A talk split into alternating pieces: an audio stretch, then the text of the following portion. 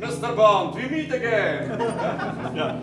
W kolejnym odcinku podcastu JamesBondTeam.pl witają Was Przemek Bartnik, jamesbond.com.pl i Marcin Tadera, jamesbond.org.pl. W dzisiejszym odcinku porozmawiamy o filmie, który niedawno obchodził swój 40. jubileusz. 24 czerwca 1981 roku na ekranach kin zagościł tylko dla Twoich oczu. Dwunasty film serii i piąty, w którym w rolę agenta 007 wcielił się Roger Moore. Pamiętasz swoje uczucia przy premierze? No właśnie, tego aspektu naszego podcastu pewnie będzie nam brakowało nieco. Mm, myślę, że podobnie jak w przypadku, jak nagrywaliśmy Casino Royale, e, zanim przejdziemy do omawiania tylko do Twoich oczu, warto chyba nakreślić kontekst tego filmu. Tak, zdecydowanie. Zdecydowanie, bo po Moonrakerze to na pewno warto powiedzieć o tym, skąd w ogóle pomysł na, na powrót na Ziemię. Mhm. Moonraker e, oczywiście to jedno, natomiast cała era Rogera Mura, przynajmniej takie ja mam zdanie, Mur nie zaczął swojej ery z wysokiego C bo pomimo kilku naprawdę spektakularnych scen, e, Żyj i pozwól umrzeć było filmem stosunkowo kameralnym. Oczywiście z naciskiem na, na, na, stosunkowo. I z każdym kolejnym filmem chyba ten rozmach e, był coraz większy, bo i Człowiek ze złotym pistoletem miał więcej egzotyki. Szpieg, który mnie kochał, to już taka kwintesencja w zasadzie bondowskiego koktajlu. No a Moonraker, o którym wspomniałeś, no to już jest prawdziwy kosmos. To już jest prawdziwy kosmos i zdaję sobie sprawę z tego, że chyba nie do końca się zgadzamy w ocenie tego filmu, no ale przyznasz, że e, Moonraker z korzeniami serii miał już bardzo niewiele wspólnego. I to zarówno z e, korzeniami e, powieściowymi, ale też myślę, że z pierwszymi filmami, pierwszymi obrazami o Jamesie Bondzie, no to to już praktycznie nie miało nic wspólnego. Tak, zdecydowanie tak. Natomiast tutaj jest jeszcze kwestia samego Rogera Moore'a, bo e, Roger Moore w kontekście Jamesa Bonda jest dosyć specyficznym odtwórcą e, tej roli, który chyba najmniej przypomina pierwowzór e, literacki, natomiast jest jednym z, z aktorów, których większość fanów film, filmowej serii uważa za jednego z, najlepszych odtwórców Jamesa Bonda. Więc to jest taki paradoks tej, tej postaci. Roger Moore stworzył dosyć ciekawy wizerunek, ale takiego trochę śmieszka, którego bardzo wiele osób lubi. Natomiast y, on rzeczywiście swoją grą mocno od, odbiegał od, tej E, flemingowskiej e, postaci. Odbiegał przede wszystkim w tych wcześniejszych filmach, które wymieniłeś, aczkolwiek w, tylko dla Twoich oczu. Udowadnia, tak, tylko dla Twoich oczu udowadnia, jak tak naprawdę kluczowe znaczenie ma mimo wszystko scenariusz, reżyseria i kierunek, jaki obierają twórcy danego filmu. No bo tutaj e, Moonraker, o którym przed chwilą rozmawialiśmy, był gigantycznym sukcesem komercyjnym. No to nie ulega wątpliwości, tak? Zarobił e, bardzo duże pieniądze. Natomiast twórcy chyba jednak zdali sobie sprawę z tego, że, że e, trochę przesadzili. A nawet nie tylko trochę. I e, z pełną świadomością podjęli decyzję, że, że kolejny film sprowadza Bonda z powrotem na Ziemię i dosłownie i w przenośni, rzecz jasna. Postawiono na film, który zamiast takiego w zasadzie już eskapizmu czystej wody i zabawy formułą, zabawy konwencją, jednak utrzymany miał być w klimatach no, praktycznie rasowego, zimnowojennego thrillera. I tym mieli powrócić do, do korzeni serii. Mhm. No tak, i to był mm, bardzo dobry wybór, bo tak naprawdę Moonraker już e, też sobie porozmawiamy o tym filmie pewnie niebawem. Ja bardzo lubię Moonrakera cały czas, natomiast decyzja o powrocie na Ziemię była chyba jedyna, jaką mogli podjąć, bo gdzie, gdzie później mógłby wylądować James Bond? To już myślę, że nic większego, nic, y, nie wiem, jak w ogóle to nazwać, nic y, bardziej absurdalnego nie można by było wymyślić niż Gwiezdne Wojny w świecie Jamesa Bonda. Dokładnie. Dokładnie tak. W tym filmie dużo było zmian. To nie tylko kwestia obrania nowej, nowej formuły, tak, ale po raz pierwszy na fotelu reżysera zasiadł John Glenn. Wcześniej związany z serią oczywiście jako e, montażysta, jako reżyser drugiej ekipy. Tym razem awansował już na, na, na, na stanowisko reżysera. Zmienił się kompozytor, tak, to też znacząca i bardzo odczuwalna dla mnie zmiana, mm. jeżeli chodzi o, o, ten film. Natomiast jeszcze wracając do Johna Glena, e, ostatnio mm, oglądałem właśnie tylko dla Twoich oczu z, z jego komentarzem. Też bardzo ciekawie się wypowiadał, jak nieprawdopodobnie był przerażony tą, tą nową funkcją. Teoretycznie w sumie był dobrze dosyć do tego przygotowany, zarówno pod względem filmów o Bondzie, w których e, wcześniej brał udział, e, w Tajnej Służbie i Królewskiej Mości, Szpieg, który mi kochał i Moonraker, więc znał ekipę, wiedział jak, jak wygląda praca na, na planie takich, takich produkcji. Natomiast stołek reżysera nadal go bardzo, bardzo przerażał, ale ekipa chyba bardzo pomogła w tej, w tej roli i na pewno bardzo dobrze się sprawdził. Co potwierdzi, potwierdzą jego kolejne cztery filmy. Mhm. I do dzisiaj zresztą jest rekordzistą, jeśli chodzi o, o stołek reżyserski. I co ciekawe, akurat przynajmniej w moim, moim skromnym zdaniem, w zasadzie on nie nakręcił złego Bonda. Prawda. Przynajmniej takiego, którego jednoznacznie można określić mianem złego. Nie znaczy to oczywiście, że to było nie, nie, nieustające pasmo sukcesów, ale każdy z jego filmów coś w sobie ma. Skoro już rozmawiamy na temat zmian w ekipie producenckiej, no to też e, nie można oczywiście nie wspomnieć o tym, że Kena Adama zastąpił tym razem Peter Lamont który przecież z serią był związany później do, do Casino Royale bodajże. Dokładnie tak. Mm, chociaż Peter Lamont też pracował przy wcześniejszych Bondach, tylko chyba jako członek ekipy. Jakiś tam pomocnik mhm. Kena. Mhm. Tak, tak. Kena Adama. Tak jest. Więc zmiany y, zdecydowanie mm, dosyć, dosyć mocne. Rewolucyjne, rewolucyjne wręcz. Wiadomo, że produkcja filmów o Bondzie jest dość specyficzna. Tam bardzo duża część ekipy jest traktowana niemal jak członka, członkowie rodziny na swój oczywiście sposób i jeśli praca któregoś z członków ekipy y, się sprawdza, jeśli jest ok, no to często jest y, zapraszany do współpracy przy kolejnych filmach. Brokoli, a, a, później jego mm, córka i pasierb tak naprawdę nie, nie wyważają otwartych drzwi, nie, nie wymyślają za każdym razem prochu na nowo. Co jest fajne i takie trochę nietypowe jak na dzisiejsze standardy Hollywood. Tak, zdecydowanie i to jest coś, co, o, o czym już też wspominaliśmy przy okazji bodajże poprzedniego podcastu. To jest jedna z rzeczy, które nadaje tej serii taką wyjątkowość i, i może to jest też taki sposób właśnie na sukces. No dokładnie. No dobra. To co, przechodzimy do filmu? Tak jest, przechodzimy do fabuły. Scena przed napisami. Pierwsza, Blofeld przynajmniej e, my wszyscy wiemy, oczywiście fani Bonda, że jest to Blofeld. Bo... Ja przepraszam, że ci wejdę w słowo, ale zanim porozmawiamy o tej scenie, ja tylko nie mogę nie powiedzieć o tym, że film otwiera kapitalna scena typu Gun Barrel.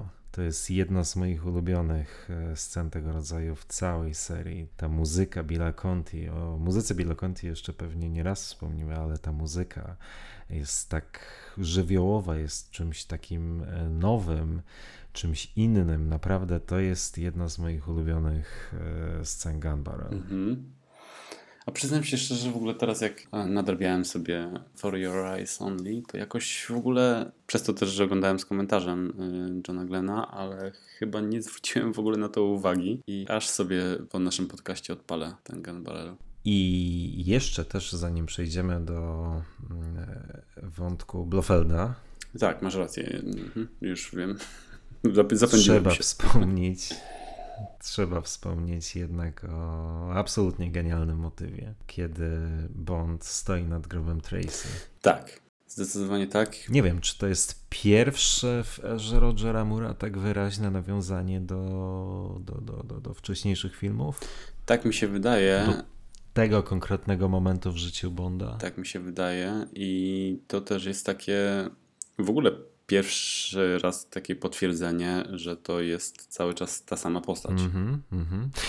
Co ciekawe, nigdy wcześniej nie zdawałem sobie z tego sprawy, tylko wyczytałem to szykując się do dzisiejszego nagrania, że e, ta konkretna scena znalazła się w scenariuszu, ponieważ wcale nie było takie pewne, że Roger Moore powróci do roli Bonda, czy wręcz przeciwnie, w momencie, w którym pisany był scenariusz, było bardziej prawdopodobne, że jednak Roger Moore już e, do, do tej roli nie powróci. I ta scena była pisana bardziej pod kątem ewentualnego wprowadzenia wprowadzenia nowego aktora. Ostatecznie w filmie się uchowała i, i świetnie, bo mimo wszystko fajne jest takie potwierdzenie od czasu do czasu, że pomimo oczywiście zmian od twórców głównej roli, że to jest cały czas ta sama postać i warto o tym mimo wszystko e, delikatnie mm, przypominać widzom. Tak więc ja osobiście tą scenę naprawdę bardzo lubię. Tak jest, zdecydowanie. Aczkolwiek oczywiście cały czas są te teorie. Nadal mimo wszystko, że dostajemy tutaj takie wyraźne znaki, jak choćby ta scena z otwarcia For Your Eyes Only, to jednak y, cały czas krąży gdzieś y, po internecie ta teoria, że James Bond może być przydomkiem, tak? I że to jest niekoniecznie ta sama osoba.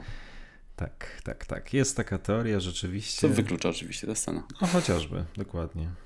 Okej. Okay. Scena nad grobem Trace jest e, świetna i moim zdaniem jest kompletnie zaprzepuszczona przez tę kolejną scenę, o której zacząłeś mówić przed chwilą. Mhm. Czyli też nie przepadasz za nią? Zdecydowanie za nią nie przepadam. To znaczy, ja rozumiem oczywiście ideę, tak? Wiem, że to było tak naprawdę pokazanie środkowego palca Kevinowi McClory'emu rozumiem, że ta scena miała być e, kampowa w swojej wymowie. No ja nie wyobrażam sobie, żeby ta scena była wówczas kręcona na poważnie i na serio. I też rozumiem, że nie powinno być brana na poważnie, ale mm, nie. Wyszło żenująco zupełnie i nie pasuje do całego filmu. Nie pasuje do całego filmu, nie pasuje do sceny, która ją poprzedzała, nie pasuje do sceny, która następuje po niej. Na szczęście w jakby w ostatecznym rozrachunku spokojnie można przymknąć na nią oko, ale e, absolutnie film mógłby się bez niej obyć. Przynajmniej w takim kształcie, bo e, rzeczywiście jest to bardzo sprytne. bardzo sprytne zagranie, udowodnienie, że wcale tak naprawdę nie potrzebujemy. Nie potrzebujemy Blofelda. Tak jest. Tak, i tak jak powiedziałeś, jeżeli chodzi o tarcie nosa McLaremu, to jasne, że to zadziałało, natomiast ja też nie lubię tej sceny. Nie lubię nawet samej charakteryzacji tej osoby, już nie wiem kto tam grał tego niby, znaczy Blofelda tak naprawdę, ale bardzo często widać nawet na, na tych ujęciach z tyłu, na szyi, gdzie widać, że to jest taka po prostu jakaś maska nałożona, jakaś sztuczna skóra. Jest to bardzo niedopracowane, komiczne i trochę, trochę bez sensu. No ale mm, akurat chyba nie ma się nad tym co rozwodzić. Tak. Piosenka tytułowa, tak czy nie? Tak średnio, powiem szczerze. Ja nie do końca przepadam za, za tą piosenką i za Easton. Znaczy, jest, jest to ciekawe, y, to, że to jest czołówka, w której y, pierwszy raz widzimy piosenkarkę. To w ogóle jej angaż jest dosyć ciekawy, bo ona bodajże rok wcześniej chyba dopiero co zyskała popularność w Wielkiej Brytanii, wygrywając jakiś taki rodzaj jakiegoś teleturnieju muzycznego, czy coś, coś w tym stylu. Tak z grubego kopyta depnęła w y, świat Bonda i znalazła się w, w znakomitym gronie. Ale mm, nie przepadam jakąś, jakoś bardzo za tą piosenką, co nie zmienia faktu, że uważam, że e, idealnie pasuje do, do samego filmu. Tak, tak. E, idealnie pasuje do filmu. Fajnie zresztą w filmie się sprawdza motyw przewodni tej piosenki, który jest wykorzystany przez Billa Contiego w kilku scenach. Mhm. Mm, a sama piosenka gdzieś e, dojrzewa we mnie czy ja dojrzewam do tej piosenki, ale e, na pewno dzisiaj cenię ją znacznie bardziej niż jeszcze, jeszcze niedawno. Dobra, to przechodzimy do sceny zatopienia szpiegowskiego okrętu St. George. Tak jest. Ostatnio, przy, przy ostatnim seansie e, jedno, co przykuło moją uwagę, że każdy z załogi ma e, sweter Daniela Craiga z No Game Today. No to w takim razie muszę też sobie odświeżyć e, tę scenę. Mm, fajna scena. Fajna, konkretna, Tak, jako wprowadzenie idealne. Jego wprowadzenie idealne służy głównie temu, żeby, żeby właściwie napędzić fabułę, bo mowa jest tam oczywiście o tym nieszczęsnym systemie atak, wokół którego zbudowana jest fabuła całego filmu, ale który tak naprawdę niewiele dla tej fabuły znaczy. No bo jest to typowy bondowski McGuffin. No ale to jest fajne, okay, to jest taki typowo filmowy chwyt na, na, na zawiązanie akcji. Często, często wykorzystywany w Bondzie. Nie mam z tym żadnego problemu. Dokładnie. I za chwilę przeskakujemy od razu na łódkę państwa Hawloków, tak? Tak naprawdę jeszcze wcześniej na podróż Meliny samolotem. Mm. No i co? Może przede wszystkim jakie są twoje odczucia co do panny Bouquet? Ja mam bardzo duży, bardzo duży sentyment do Carol Bouquet, ponieważ jest bardzo atrakcyjną aktorką bez dwóch zdań. Jej uroda na pewno przykuwa wzrok, ale jakby to teraz ująć, żeby się nie wyzłośliwiać. Powiedzmy, że jej maniera aktorska nie do końca mi odpowiada. Tak, to bardzo, mm, bardzo pięknie to powiedziałeś. Zgadzam się w 100%. Tak, nie jest to e, najbardziej utalentowana aktorka, e, która się pojawiła w tej serii, chociaż właściwie to mm, może inaczej, bo tak naprawdę ja jej specjalnie nie kojarzę z innych filmów. Być może tam pokazała pełnię swojego talentu, a w tym filmie z jakiegoś powodu nie potrafiła tego zrobić. Szkoda, bo, bo miała sporo do zagrania i to też oczywiście nie jest tak, że, że jest to całkowicie spalona rola, absolutnie nie. Ma lepsze, gorsze momenty, mm, ale tak w ogólnym rozrachunku no, nie do końca. Pod względem aktorskim to nie do końca jest, są moje klimaty. Tak, to też nie jest moja e, ulubiona dziewczyna Bonda.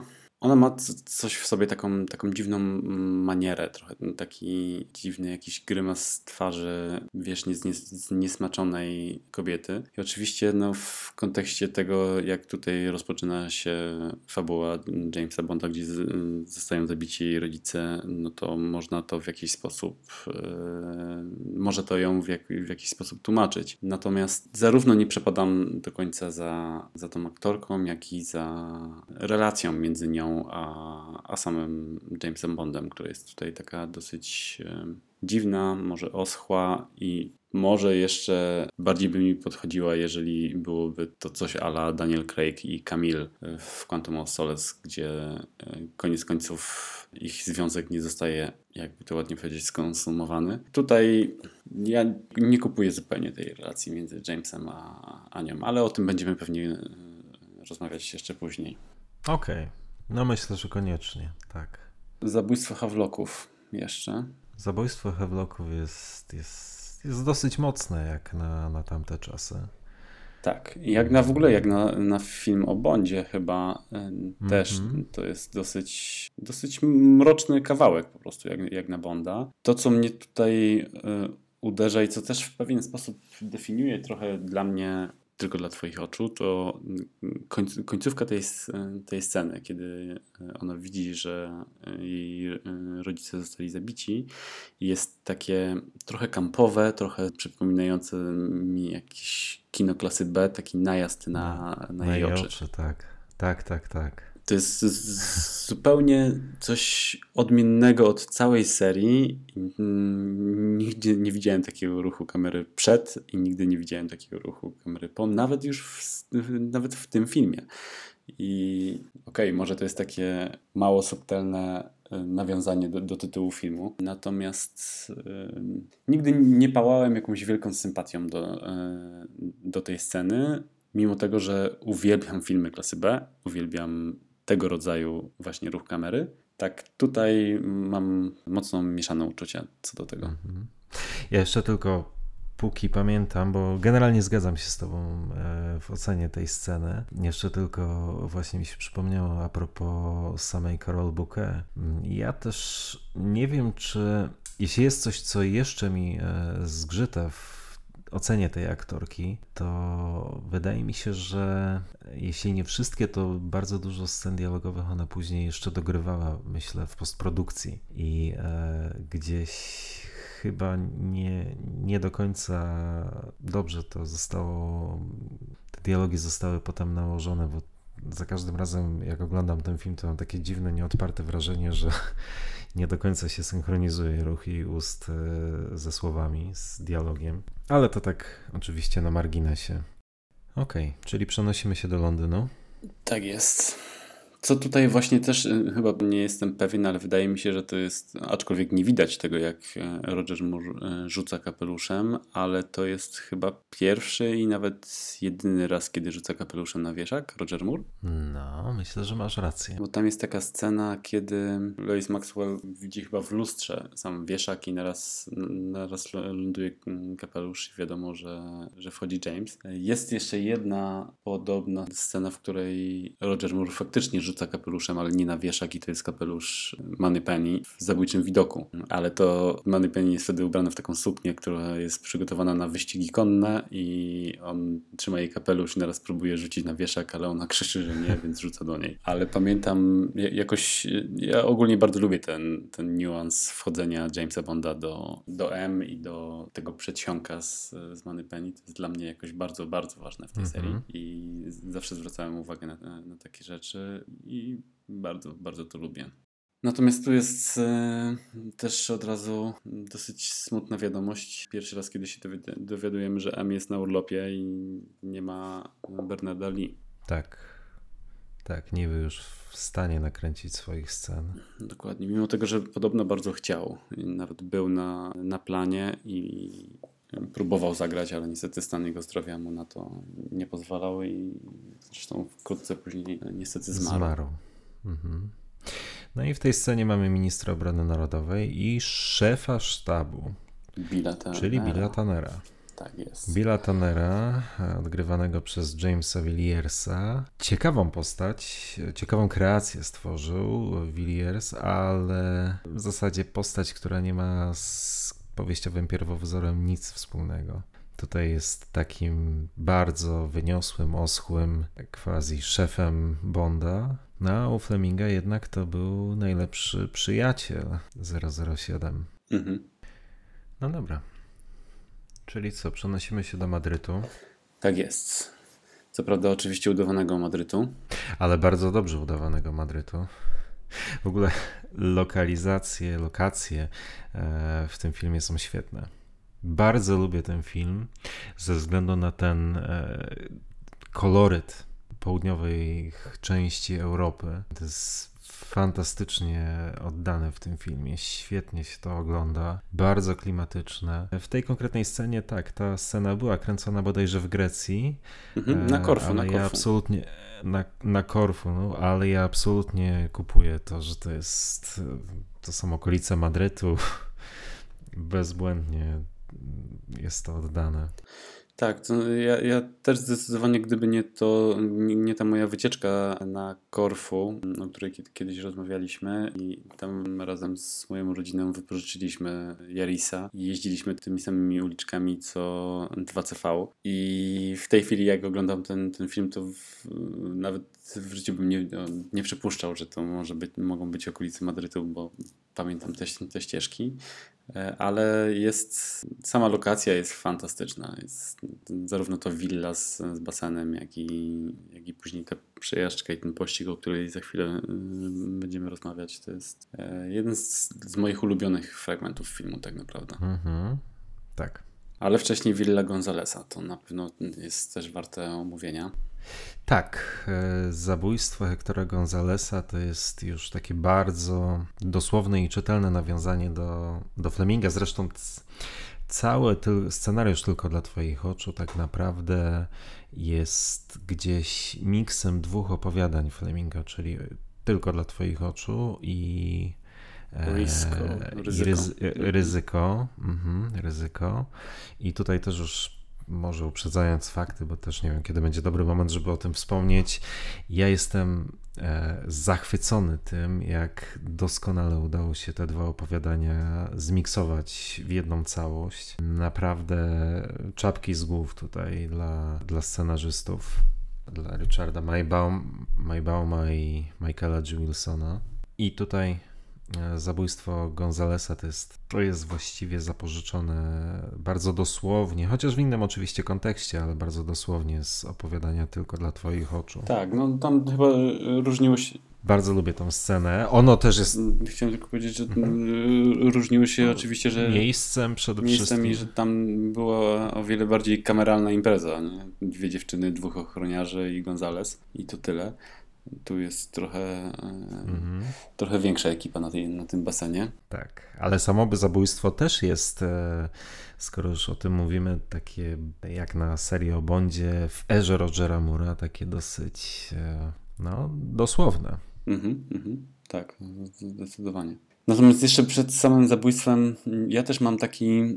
Pewnie przyjdzie czas na podsumowaniu, jak pod koniec będziemy o tym rozmawiać. Natomiast ja zawsze miałem mm, mieszane uczucia co do For Your Eyes Only. I było tutaj kilka rzeczy, które mi zawsze przeszkadzało za młodu. W tej chwili zupełnie inaczej, znaczy może nie zupełnie, bo jednak patrzę trochę przez pryzmat tego, jak pierwszy raz obejrzałem ten film i kolejne razy, y, ale jednak w, w młodości. I ja tą scenę z basenem zawsze, podobnie jak z, z tym zbliżeniem na, na oczy Meliny, to jest też dla mnie pewien rodzaj sceny, który trochę nie pasuje do, do wysoko, wysokobudżetowej produkcji, jaką był Bond i jaką były wszystkie wcześniejsze e, części. Tutaj jak kamera wchodzi na tą imprezę, gdzie ludzie bardzo śmiesznie pląsają do, do jakiejś śmiesznej, śmiesznej muzyki, trochę jakoś zawsze zajeżdżało mi to takim właśnie kinem klasy B, jak, e, jak wcześniej o tym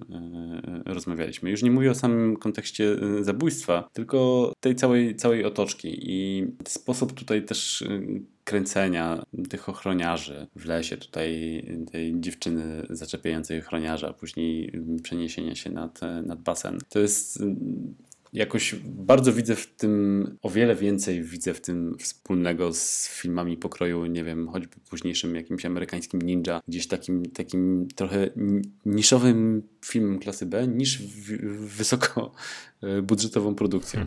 Nie miałeś nigdy takich odczuć? Nie, szczerze mówiąc nie.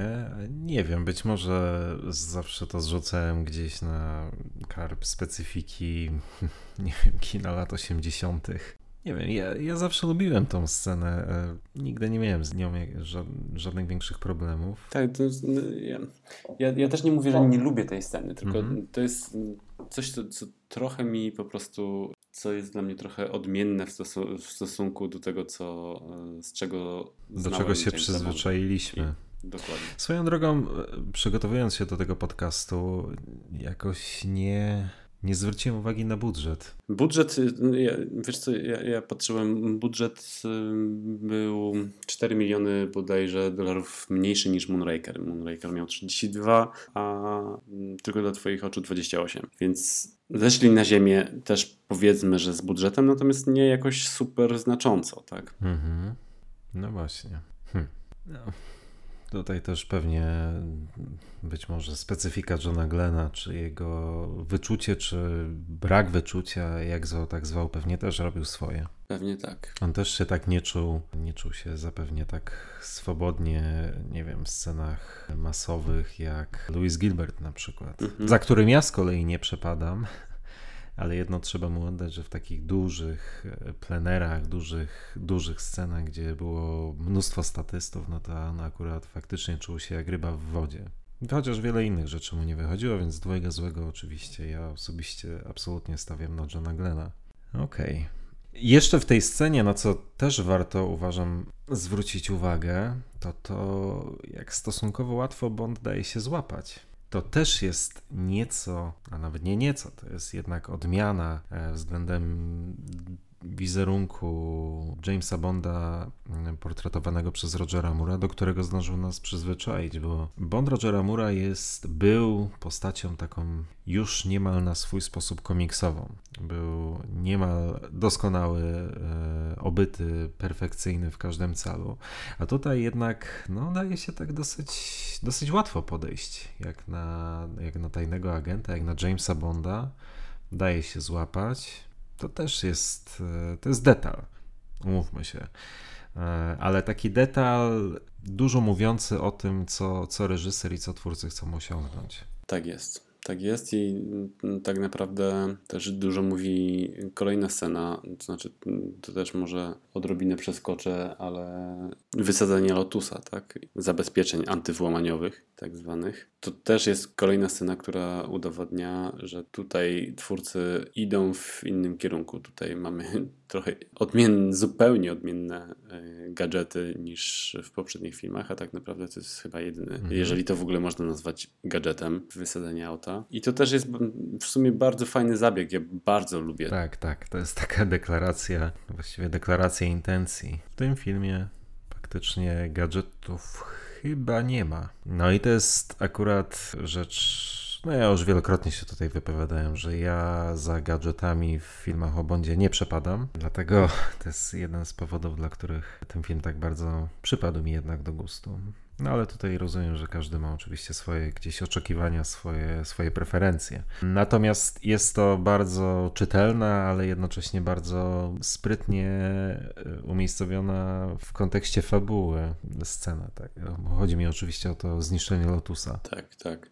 Przeskok na, na, na to. Tutaj oczywiście to jest to samo. Tak jak dla mnie jest odmienna zupełnie scena nad basenem od y, poprzednich, y, poprzednich filmów, czy tutaj mm, powiedzieliśmy o zabójstwie rodziców Meliny, czy y, zabójstwie Gonzalesa. Tu cały czas widzimy takie niuanse, które odróżniają ten film od, od poprzednich. No i naraz dostajemy scenę, w której widzimy Lotusa i mówimy, o, to jest ten James Bond, którego znamy, nie? A tu jep, Lotusa nie ma i co? Roger, Roger Moore ląduje w Citroenie 2CV, co jest fantastycznym zabiegiem i rewelacyjnie poprowadzonym Mhm. wątkiem, a sam pościg po tych zdradliwych uliczkach Korfu jest fenomenalny i jest niesamowicie dobrze nagrany. Tam jest taka dynamika. To jest naprawdę jed- jeden z moich e, ulubionych pościgów w Jamesie Bondzie. Zaraz za Quantum of Solace. Nie wiem, czy aż tak daleko bym poszedł, natomiast e, faktem Ja- jest. ja też nie wiem. Jasne. Natomiast faktem jest, że sam Citroen stał się w zasadzie kultowy. Ze wszystkich samochodów Bonda ten to jest jeden, no w zasadzie jeden z najbardziej charakterystycznych i najbardziej kultowych Tak jest. pojazdów obecnie. Tam jest jeszcze I jednoznacznie podczas- kojarzony. Mhm. Nie mów, mów, mów. Je- jednoznacznie kojarzony z, z Bondem w sensie. Z Bondem. Mhm. Z serią. Mhm. Tak, no dla nas fanów na pewno. Nie wiem. Ogólnie 2CV ogólnie zys- zyskał dużą sławę, ale dla nas, dla nas na pewno jest skojarzony z Bondem. Natomiast tam jest też e, podczas tego dynamicznego pościgu m, też jest taka, m, taki śmieszny motyw muzyczny, który się tam pojawia już w, też w późniejszych fragmentach filmu. Też nie wiem do końca, czy w 100% pasujący. I do tej sceny, i do kolejnych. Ja, ja mam jakiś m- mały chyba problem z tymi syntezatorami. Nie, no ja właśnie chciałem, wiesz co, fajnie, że o tym, fajnie, że o tym wspomniałeś, bo właśnie ja chciałem powiedzieć, jak zachwycony jestem muzyką w tej scenie. Słuchaj, no w jednym e, motywie muzycznym, czy w jednej mm, sekwencji muzycznej masz i rytmy hiszpańskie, czy typowo hiszpańskie, masz disco, zaraz potem masz bondowski temat. No ja osobiście jestem zachwycony. Nie, ja generalnie lubię muzykę Billa Conti. Czy chciałbym, żeby Bill Conti, e, nie wiem, ilustrował swoją muzyką całe lata 80. w serii o Bondzie? Nie jestem pewien, być może nie. Natomiast e, jako odmiana, jako coś innego, absolutnie jestem na tak. Ja jestem zachwycony muzyką w tym filmie. Nie każda odmiana jest dobra. Patrz, Thomas Newman, ale, ale akurat Bill Conti, ja jestem absolutnie na tak. I w tej scenie to jest absolutne mistrzostwo świata, jak dla mnie oczywiście. Właśnie ten miks kilku Mhm. różnych gatunków w, ciągu, nie wiem, pięciominutowej sceny bezbłędne. No, Jest to na pewno coś, coś ciekawego i coś, e, coś nie, znów trochę nietyp- nietypowego jak na, jak na serię. Jest to ciekawe, natomiast ja, ja mam tutaj, przez cały film mam takie trochę e, mieszane uczucia i może to też jakoś będzie się zmieniało z czasem, natomiast no, tak jak powiedziałem wcześniej, jest to trochę dla mnie zbyt wielka odmiana od, od e, poprzednich filmów i nie wiem, czy się z nią dobrze czuję. Ale jest na pewno ciekawe. No okej, no rozumiem. Dobra, powiedz mi, czy minęło już 70 minut? No, myślę, że w ogóle mi- minęło tyle, że musisz ten dwa piwa od razu przynieść, a ja sobie do- doleję drina kolejnego. Dobra. To co? Jedziemy dalej?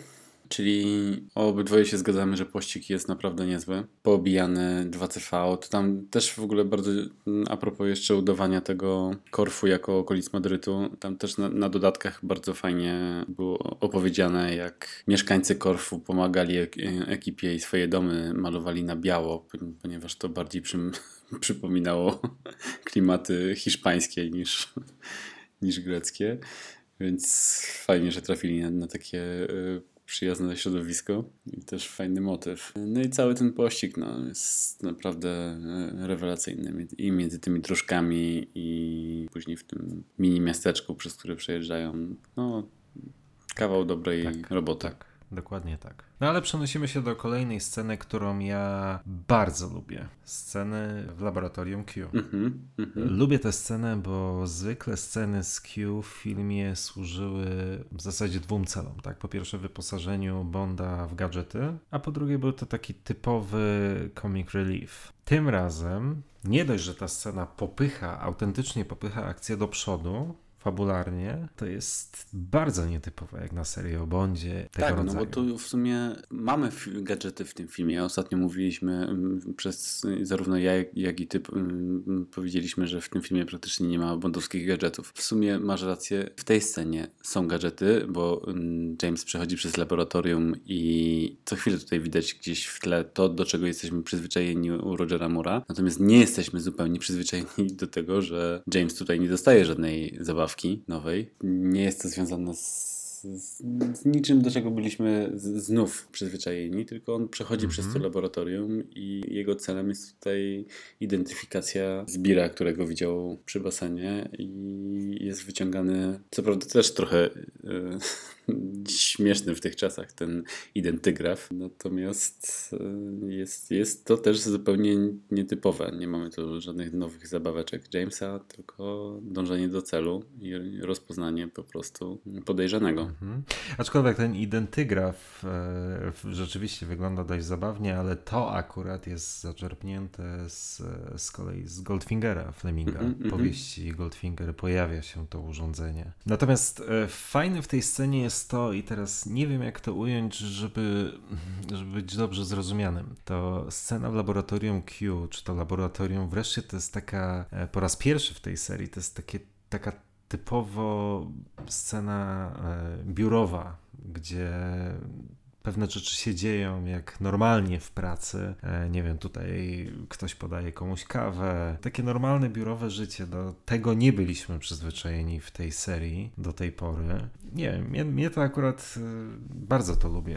To też w ogóle e, a, a propos tego, co powiedziałeś samego podania kawy. To też jest to coś, na co zwróciłem uwagę oglądając ostatnio ten film. Roger Moore w każdym innym filmie na pewno by coś powiedział do dokładnie, tej pani, która podaje kawę. Dokładnie, dokładnie tak, też dokładnie na to zwróciłem uwagę.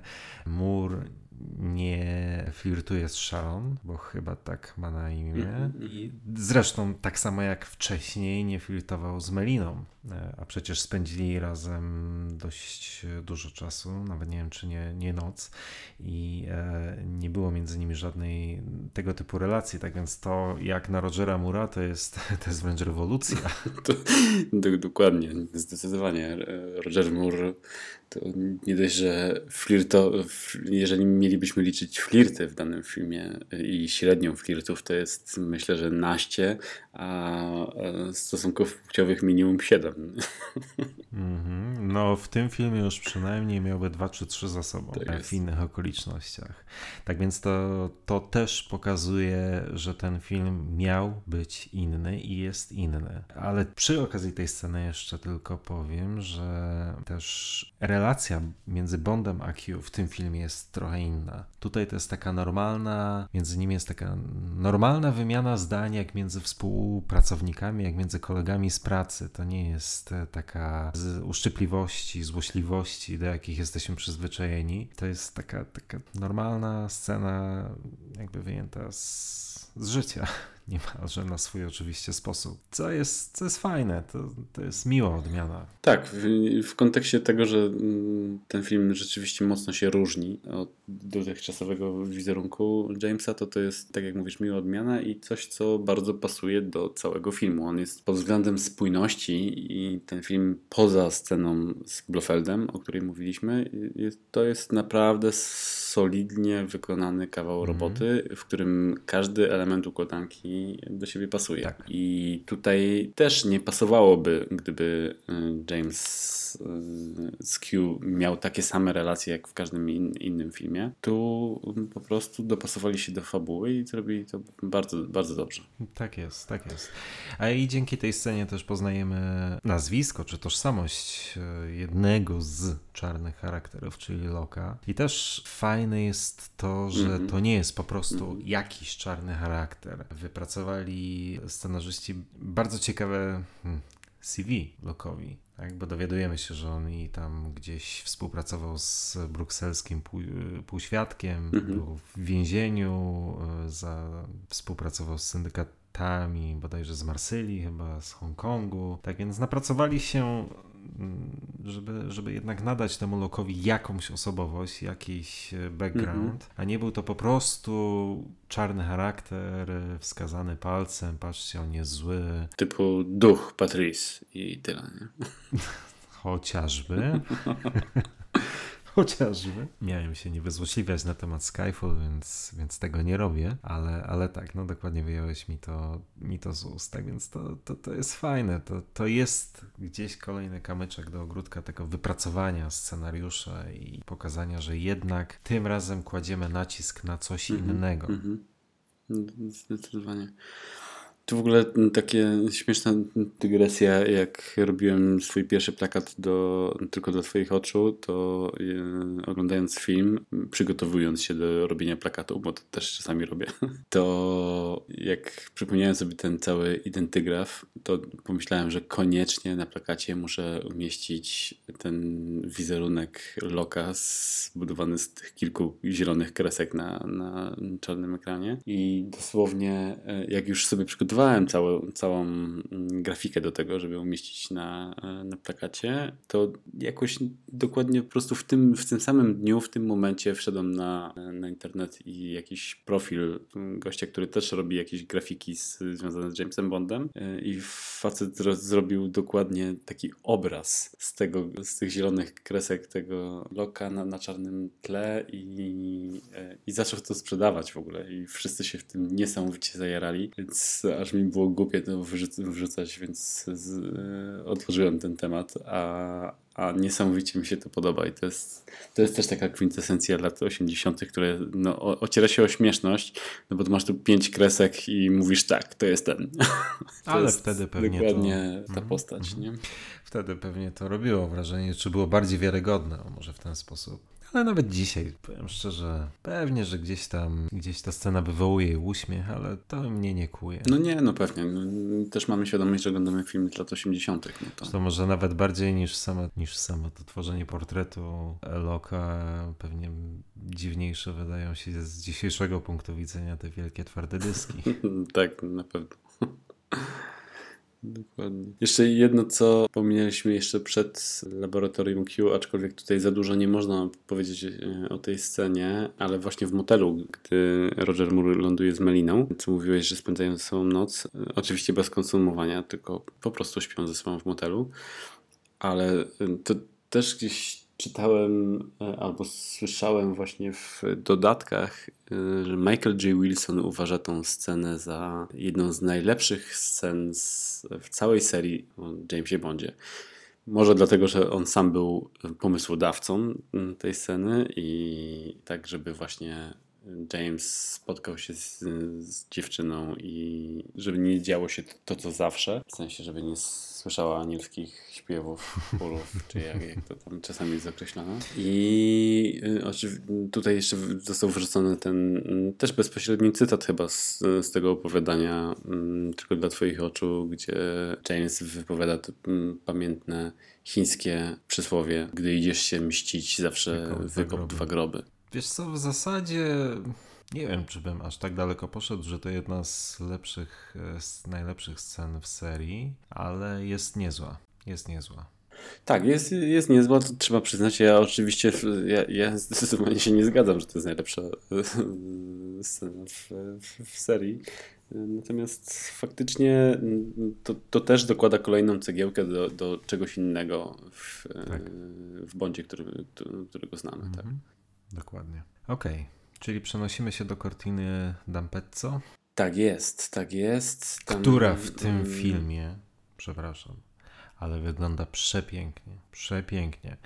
Zdjęcia Alana Huma zresztą są e, fenomenalne. Tak jak już mówiłem wcześniej, on kapitalnie uchwycił piękno, specyfikę wszystkich lokacji, w których rozgrywa się akcja tego filmu, ale Cortina D'Ampezzo wygląda o, mistrzostwo. Tak, ja też lubię, e, lubię tą lokację. mm, Lubię te sceny, mm, które są tutaj też fantastycznie nakręcone, o których też pewnie e, za chwilę będziemy rozmawiać. Tam mm, początek jest chyba za- zaczyna się na, na tym rynku, tak? W Cortinie, co też jest śmieszną anegdotą z planu, o której wszędzie mówią, mm, że zna- znaleźli się tam w momencie, w którym w ogóle nie było śniegu.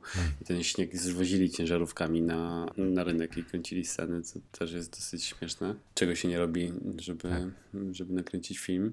I tylko już nie pamiętam, czy tam od razu pr- przechodzimy do tej sceny, gdzie Melina kupuje kuszę. Tam wcześniej coś jest Nie, chyba, nie? nie, nie, nie. Najpierw, najpierw poznajemy Ferrari. W ogóle to też jest bardzo, bardzo fajna postać. Bardzo fajna postać, taki typowy, jak Szpieg z krainy deszczowców. Określa. No w końcu Włoch. E, typowy włoski szpieg. Ale to jest taki typowy również archetyp e, postaci kozła ofiarnego w serii o Bondzie. Mhm, tak mhm. często przynajmniej jest określany ten typ postaci, który gdzieś e, pomaga Bondowi, a potem, a potem ginie. Jest to z reguły postać sympatyczna i, i właśnie taki jest Ferrara. No nie można go nie lubić. Tak, to znaczy jego ubiór jest strasznie śmieszny, jeżeli, jeżeli, nie, nie wiem, mnie na myśl najbardziej przywodzi Różową Panterę i Petera Sellersa. Taki śmieszny ka- kapelusik, przeciwsłoneczne okulary i szpieg, który próbuje się jak najbardziej ukryć, a jest chyba jej najbardziej widocznym, najbardziej widoczną osobą w, w okolicy przez to, że jak nietypowo wygląda. Jest to w pewien sposób dla mnie trochę komiczne, ale to bardzo się lubi, tym bardziej y, to jak on mówi, jak się zachowuje. Mhm. On jest na swój sposób komiczny, e, to się zgadza, ale e, akurat według mnie on nie przekracza granicy śmieszności. To znaczy nie jest postacią tak do końca karykaturalną. Mhm. Tym bardziej, No. że on się dosyć e, jest bardzo pożytecznym pomocnikiem Bonda. Też w pewien sposób napędza akcję, bo przede wszystkim no, zapoznaje Bonda z e, Kristatosem. Tak, tak, tak. No, to jest jego, główna rola. Co, prawda też wprowadza tym samym trochę na manowce y, Jamesa, ale tak, masz rację, aczkolwiek dla mnie jest chyba mimo wszystko, znaczy może faktycznie nie przekracza tej granicy, ale jednak w każdej scenie, w której on jest, wywołuje taki mocny uśmiech i wręcz czasami chyba śmieszność, no bo to jednak nawet ta scena z Christosem, o którym wspomniałeś, to on podaje, na, na końcu próbuje podać rękę A no, tak. To jest jedno, albo ta ich rozmowa na, na jakiejś stacji narciarskiej, o ile do, dobrze pamiętam, nie wiem co to jest, ale on tak bardzo śmiesznie, taki przerysowany szpiegowski sposób udaje, że przekazuje jakieś informacje, jak tylko ktoś przechodzi, to oczywiście robi prostowaną minę i przywodzi mi to na myśl znowu kolejny film, nie wiem czy kojarzysz Top Secret, z takich e, mega śmiesznych scen, kiedy tak, kiedy, tak, kiedy taki sprzedawca e, szpieg. Kultowe. Okej, ja się zgadza, zgadzam się z tobą, że jest przerysowany, bo jest przerysowany, ale, ale nie jest to, nie wiem jakiego słowa użyć. Jest przerysowany, natomiast nie jest, nie jest karykaturalny, tak w takim stopniu, który gdzieś tam by zahaczał o jakąś żenadę. Jest bardzo sympatyczny, ale ta, to o czym właśnie wspomniałeś, czyli próba podania ręki Kristatosowi, to akurat ja, ja zupełnie inaczej odebrałem tą scenę. To znaczy absolutnie nie odebrałem jej jako coś śmiesznego. Raczej Tego nakierowującego bardziej na tym, kto naprawdę jest Christatos. Tak? Może jeszcze też nie aż tak daleko, natomiast y, bardziej bym powiedział, że mm, gdzieś wiele mówiąc, jest to scena, która wiele mówi o, o charakterze Kristatosa, o jego, no, o to, o, o, o to, jakim jest człowiekiem. Może nie, nie to, że to jest scena, która daje do myślenia w kontekście tego, że to on jest jednak czarnym charakterem w tym filmie, no, ale gdzieś bardziej więcej mówiąca o Kristatosie niż o Ferrarze. To jest detal. To jest kolejny detal w tym filmie, który sam w sobie niewiele znaczy, ale fajnie pokazujący właśnie intencje twórców i gdzieś zamiłowanie właśnie do takich drobiazgów. Mhm, mhm. Tak, no jeszcze w, wrócimy do tej sceny, aczkolwiek ją bardzo dobrze podsumowałeś i zgadzam się w 100%. Natomiast do samej tej postaci Ferrari mnie chyba najbardziej przypomina pomocnika George'a Lazenbiego z, w Tajnej Służbie Królewskiej Mości, który zresztą też chyba tam podobnie kończy, znaczy podobnie, no. Też zostaje zabity i też jest takim kozłem ofiarnym, o którym, o którym wspomniałeś. Natomiast porównując go do takich pomocników ogólnie w całej serii e, Jamesa Bonda, typu, nie wiem, choćby Felix Leiter czy. Kerim Bay. No to nie jest ta sama liga. No nie, nie jest ta sama liga. Oczywiście. A Kerim Bay to też mhm. ciekawe, co wspomniałeś, bo, bo tutaj to też o, o, tym porozmawiamy później przy Colombo, ale tu jest takie dla mnie lustrzane odbicie Kerim Baya w postaci Topola, ale, ale jeżeli chodzi o, o, o postać Ferrari, jednak jest to dla mnie chyba naj, jeden z najkomiczniejszych pomocników Jamesa Bonda. Tak, tak, tak. Okej, okay, o Kristatosie nie wiem, czy teraz, e, czy później. Omówiliśmy teraz sobie Ferrara i Ferrara doprowadza Jamesa, zapoznaje Jamesa z, z Kristatosem, którego poznajemy obserwującego Bibi. I tu w sumie mamy kilka, kilka postaci do omówienia tak naprawdę, bo tu mm, zarówno Kristatos to jest oczywiste, o którym musimy pogadać, tak samo Bibi i w sumie jej trenerka też jest w pewien sposób zauważalna w filmie, o tak. Jest zauważalna w filmie, zresztą tych postaci nawet w samej Cortinie pojawia się więcej, bo i mamy tego Ericha Krieglera, tak? Tak, później to zdecydowanie. Musimy powiedzieć o nim. Ale to też jest wielkość tego filmu, słuchaj. Praktycznie każda postać, która się pojawia na ekranie, to jest postać z krwi i kości. Ma oczywiście jedna jest bardziej, druga jest mniej rozbudowana, ale każda z nich jest czymś więcej niż tylko nazwiskiem. Każda ma swoją jakąś osobowość, o której możesz coś powiedzieć w dwóch, trzech słowach, ale możesz coś powiedzieć. To, to nie są papierowe postaci. I za to też absolutnie naprawdę ukłony w kierunku Maybauma i Wilsona, bo, bo to, to nie zawsze tak działa. Mhm. Tak, i tutaj to jest w ogóle jeden z nielicznych bondów, gdzie dla mnie jest bardzo zauważalne to, że tutaj y, widzisz gościa, który jedzie samochodem i ściga, ściga Jamesa w stanie na przykład na Korfu, a później tego samego złego widzisz gdzieś na jachcie na przykład. Ewentualnie jakieś, e, jakieś inne postaci. Cały czas się to powtarza, że masz jednego z tych z paczki złych, cały czas gdzieś go tam widzisz. Jeżeli on nie ginie w danej scenie, no to gdzieś w kolejnej zauważasz go albo na, na meteorach, albo na, na jachtach, albo pod wodą. To jest, to jest tak. fajne. Ja nawet powiem więcej, ja nawet zaryzykowałbym stwierdzenie, że to być może jest najmocniej film o Bondzie pod względem konstrukcji postaci. -hmm. Jest ich tu bardzo dużo i tak jak już mówiłem, każda e, postać ma coś do zaproponowania. Naprawdę czapki z głów, czapki z głów. I sam Kristatos, no wtedy jeszcze tego oczywiście nie wiemy w tej scenie, ale też jaką ma osobowość. No oczywiście tutaj też e, Julian Glover, jego charyzma robi swoje, ale to też jest świetnie napisana postać. Prawdą jest, że Zarówno Kristatos, jak i Colombo to są postacie stworzone przez Fleminga w opowiadaniu Ryzyko, o którym e, wspomnieliśmy wcześniej. I te relacje między nimi i wplątanie Bonda w całą intrygę i ich wzajemną rywalizację, to jest oczywiście u Fleminga, to było u Fleminga, co nie zmienia faktu, że postać jest napisana świetnie. I świetnie zagrana przez Glovera, który zresztą, jako ciekawostka, był przymierzany do, roli Bonda w pewnym momencie. Tak, do, dokładnie. To jest bardzo fajna ciekawostka. Co prawda nie do końca sobie wyobrażam jego e, w, w roli Bonda. Ja wcale sobie nie wyobrażam jego w roli Bonda. Podobno był rzeczywiście rozważany. On był chyba nawet jednym z, z kandydatów chyba do przejęcia. e, Pomóże. I to nawet nie wiem, czy nie przy okazji Znaczy właśnie... przed, mur, przed murem chyba. To Tak, było tak, że Bardzo możliwe w sensie zresztą, bo... Do Live and Let Die. Live and Let Die.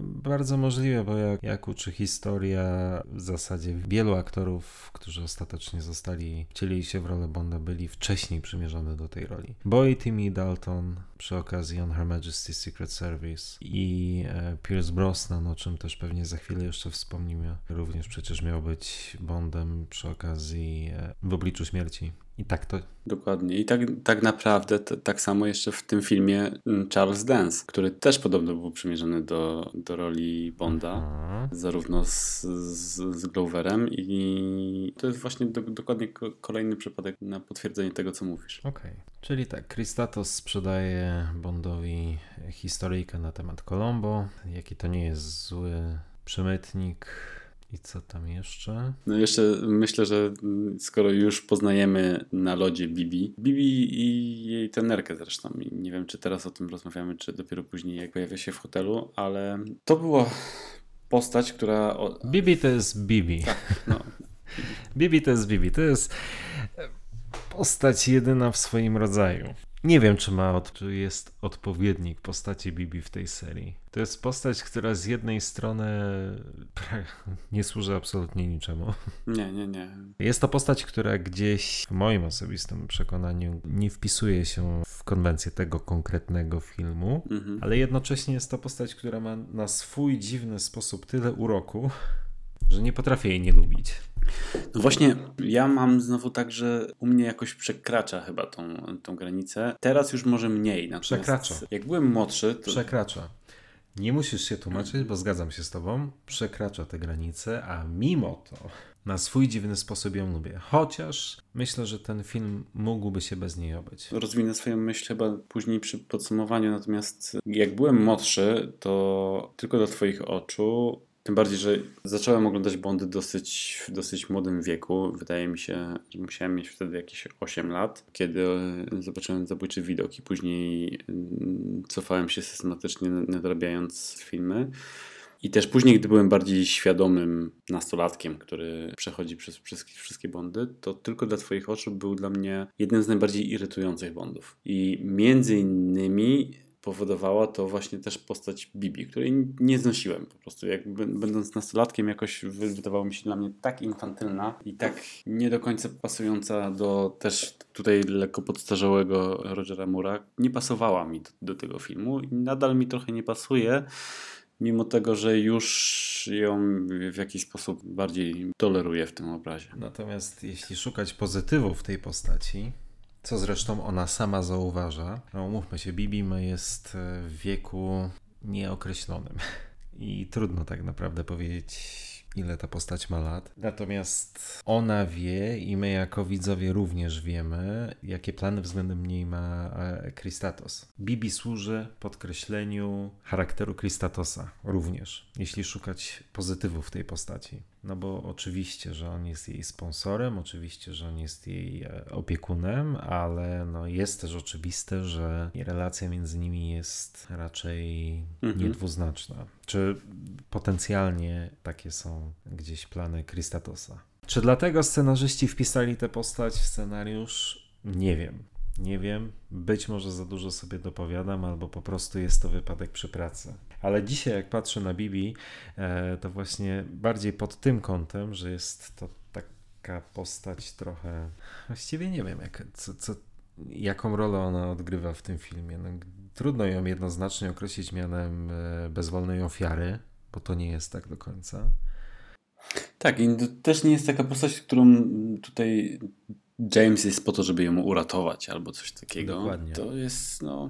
Tak, ona po prostu w tym filmie jest. Jest. Być może służy też podkreśleniu tego, że to nie jest do końca ten sam Bond, do którego jesteśmy przyzwyczajeni, Bond Rogera Mura, bo tutaj wyprzedzając fakty jednak w scenie, która nie, niedługo po tej nastąpi, czyli w hotelu no, Bond nie korzysta z propozycji i to bardzo wyraźnej propozycji, tylko zapraszają na lody. I bardzo dobrze, bo gdyby skorzystał, to myślę, że ta seria mm, długo by już nie pociągnęła, albo w tych, w tych czasach ten film byłby bardzo piętnowany. Tak.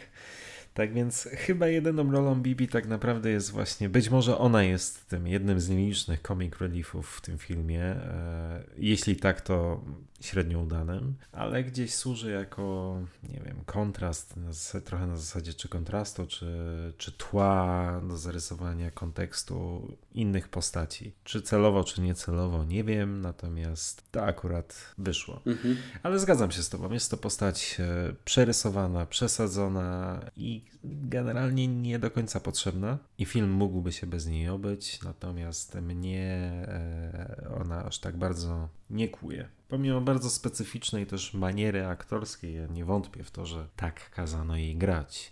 Kazano jej odgrywać tutaj typową nastolatkę. Tak, no, tym bardziej, że to była mm, bardzo młoda dziewczyna, nie? Ona miała, nie wiem, jakieś e, 17 lat wtedy, jak e, odgrywała tą rolę, więc też nie wydaje mi się, żeby ona mia miała jakiś wielki warsztat aktorski, natomiast z samych tego komentarza nagranego do płyty Blu-ray, e, jak ona się wypowiada wiele lat później, to jako już aktorka, nie, nie postać z tego filmu, ona dla mnie brzmi jakbym słuchał Bibi, która opowiada o, o, o swojej roli i co jest chyba tak naprawdę pierwsze pozytywne uczucie, jakie do niej zyskałem, to jest po tym, po tym odsłuchaniu filmu z komentarzem, kiedy sobie uzmysłowiłem, że tak naprawdę wydaje się, że ona tak na, taka naprawdę jest w realnym życiu. I być może właśnie tak jest. Dokładnie. No dobra, czyli teraz mamy którą scenę? Teraz chyba przeskakujemy na rynek. E, Na rynek, kiedy James Bond zauważa Melinę wybrającą kuszę w sklepie. No bo to jest, to jest jasne, że w Cortinie musi być sklep z, z kuszami. Tak. tak, tak. Obowiązkowy oczywiście element wyposażenia każdego szanującego się narciarza. No, to jest... Nawet nie będę się tutaj starał przyczepić do tego. W każdym razie James ukrywa się w kwiaciarni i to jest jeden z takich e, też w sumie nielicznych śmiesznych motywów, jeżeli chodzi o, o tą kwiaciarnię, kiedy James prosi o tuzin Lili. Kwiaciarka wychodzi na, na zaplecze, on podgląda co się dzieje i okazuje się, że trzeba ratować Melinę, więc wyskakuje i załatwia motocyklistów szlabanem jednego zrzucając z motoru, drugiemu wbijając pod koło. Całkiem fajna, fajna scena. Mhm. I na koniec jakiś tam fajny, fajny tekst. Proszę tu wysłać na pogrzeb. Tak. I to jest taki Roger Moore, który, który jest znany z poprzednich filmów i, i, i widać, że on się w tym dobrze czuje i trochę widać czasami, że mu tego tutaj brakuje. Brakuje. Scena, którą pewnie sam wyprosił, Mhm. Tak.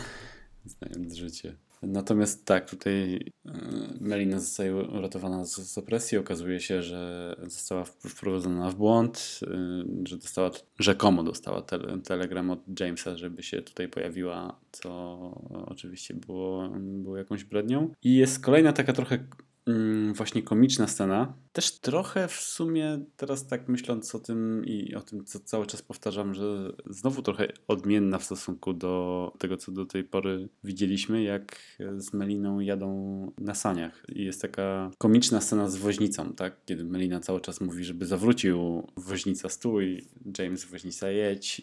On jest oczywiście taki Mhm. mocno skołowany. Skołowany. Ale to jest fajna scena. Fajna, ja, ja, ją, ja ją lubię, zgadzam się, natomiast jest, jest to znowu co, coś jakoś e, mocno odmiennego, trochę inny rodzaj humoru niż e, Tak, do którego byliśmy przyzwyczajeni Zgadza się. Ale jest fajnie napisana. No i jakimś cudem, jak na tak z, zmotywowaną osobę, jaką jest Melina, to Jamesowi udaje się odesłać z powrotem na Korfu, a sam trafia do hotelu, gdzie spotyka Bibi. O tym już rozmawialiśmy przez chwilę, ale mimo wszystko warto podkreślić, że no, Roger Moore nie korzysta z okazji. Tutaj no też oczywiście ta różnica wieku jednak była za duża między tymi dwiema, tymi dwoma aktorami. Tak, To by było... trochę niesmaczne. To jest połowa filmu, jesteśmy za połową filmu. Myślę, że to już jest za połową filmu. No i Bond tak naprawdę nadal jeszcze nie... Jakiego słowa użyć? Nie zaliczył. Bo... Wytnę to, przepraszam. Nie, nie, bo chyba lepszego określenia nie znajdę w tej chwili. Tak, ale Nie zrobił tego, do czego nas przyzwyczaiła ta postać. Co jest jego jakby znakiem rozpoznawczym. Ale jest to warte odnotowania już tak na poważnie mówiąc. tak. Pomimo tego, że miał już y, przynajmniej kilka okazji, a zapewne scenarzystą spokojnie mogli, scenarzyści spokojnie mogli jeszcze kilka przygód y, w scenariusz wpisać do tego, do tego czasu. No tutaj na razie nadal jeszcze czekamy i jeszcze trochę Mhm. poczekamy. Tak, do, no, dokładnie. Natomiast jeszcze nawiązując do tej samej sceny w, w hotelu z Bibi, tu też właśnie to, o czym wspomniałem, cały czas zapominam, jak się nazywa ta aktorka, e, odtwarzająca e, Bibi. To niech będzie, że, że, że jestem taki ten, taki dobry Lynn Holly Johnson. Dziękuję. Lynn Holly Johnson. Proszę bardzo. Udawajmy, że wiedziałem z pamięci. Dobra.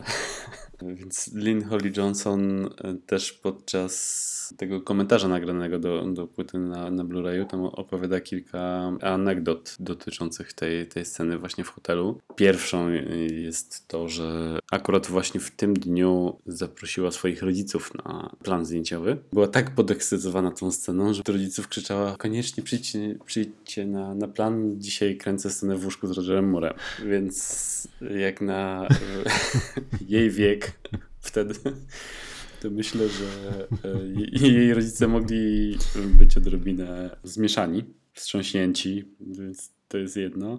Natomiast Roger Moore podobno tam mm, bardzo fajnie się zachowywał cały czas ją jakoś e, rozśmieszając, jak to Roger Moore zresztą wszystkich na, na planie. Także kręcenie tej sceny podobno dużo śmiechu powodowało i wśród całej ekipy i myślę, że rodziców pewnie też i w końcu jakoś nie, nie byli zbyt przerażeni. Natomiast mm, nie jestem pewien, czy w e, biografii Rogera Moora, czy w dodatkach też ciekawie e, opowiadali o tym, że bardzo często ekipa filmowa też wpadała na jakiś taki pomysł, żeby podtrzymać dobrą atmosferę na, na planie i bardzo często wymyślali sobie jakieś e, żarty. I tutaj chcieli zrobić żart Rogerowi Moore'owi w scenie, w której Bibi wyrzuca spod, spod pościeli ręcznik na, na Rogera, to dali Bibi gumową kaczkę. I, I ona miała rzucić kaczkę do, do Rogera. Natomiast była tak zaaferowana tym żartem i że ma to zrobić, że w swoim dialogu y, poprzedzającym ten, ten rzut spytał już, gdzie jest akcja, nagrywają scenę i, i ona zamiast tam swoją scenę z dialogu sk- skrzyknęła, czy chce kaczkę. Więc Roger myślę, że już musiał się jakoś domyślić, że coś jest, coś jest nie tak. Natomiast było była tam kupa śmiechu, co, co też pokazuje, że yy, musiała tam być dobra atmosfera. No, generalnie myślę, że kręcenie e, na planie filmów, w których brał udział Roger Moore, była całkiem fajna atmosfera.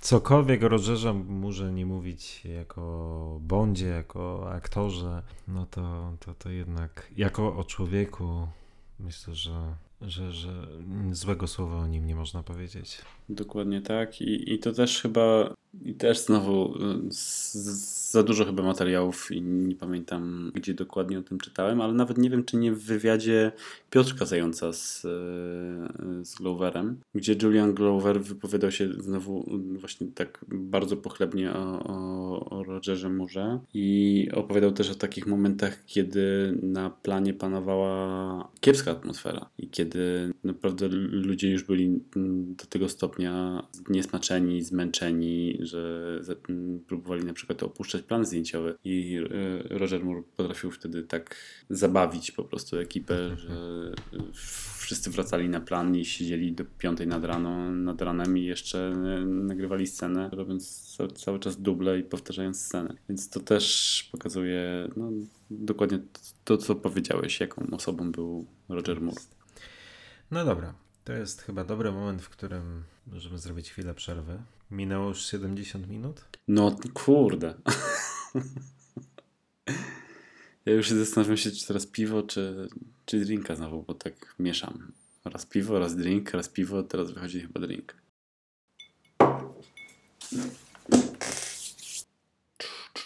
Dobra, o Bibi i scenie w hotelu chyba powiedzieliśmy wszystko. Mhm. Tak mi się wydaje. Nie wiem, czy masz, chciałbyś coś dodać? Nie, nie, nie. I przechodzimy do biatlonu. Do biatlonu, do sceny akcji, do sceny, która z którą mam pewien problem. Bo z jednej strony jest, jest fajna, jest fajnie napisana, czemuś służy, bo poznajemy tego e, Erika Krieglera, Krieglera, jakoś tak, ale e, myślę, że ta scena jest trochę za długa, e, jest tego wszystkiego trochę za dużo. Sporo się dzieje, jest świetna muzyka, jest to świetnie wszystko nakręcone, ale gdzieś pod koniec tej sceny zawsze czuję jakiś taki pewien przesyt. Tak, no bo tutaj jest zdecydowanie tego za dużo. Natomiast, tak jak powiedziałeś, tutaj pod względem realizacyjnym nie ma się do czego przyczepić, bo tu wszystko jest zrealizowane bardzo dobrze i ten pościg na nartach, który jest nakręcony fenomenalnie za sprawą tego kamerzysty tak. słynnego Willy Bagnera, który podobno niesamowicie dobrze jeździł na, na, na nartach tyłem, trzymając kamerę i, i, i Rogera Mura na, na, na jakichś tam sankach. Mm, natomiast narty, biatlon, strzelnica tutaj w sensie y, strzelania do, do, mhm. do Rogera Mura za chwilę, y, bobsleje. Skoki narciarskie. Skoki narciarskie, dokładnie. Za chwilę i jeszcze y, oprócz bobslejów to oczywiście na torze bobslejowym mamy tutaj Jamesa na nartach, a za nim Kriegera na motorze. Więc to jest naprawdę multum pomysłów wykorzystanych w jednej scenie. Tak, dokładnie. Trochę za dużo. Tak, trochę za dużo i ja mam w ogóle moim głównym zarzutem co do e, tylko dla Twoich oczu jest to, że mimo tego, że tu jest wszystko tak perfekcyjnie i dobrze zrealizowane, bo jak później będziemy też mówili o, o scenach podwodnych, yy, gdzie też akcja jest co chwilę yy, przeskakująca na inne, inne tory i teoretycznie powinna trzymać w napięciu.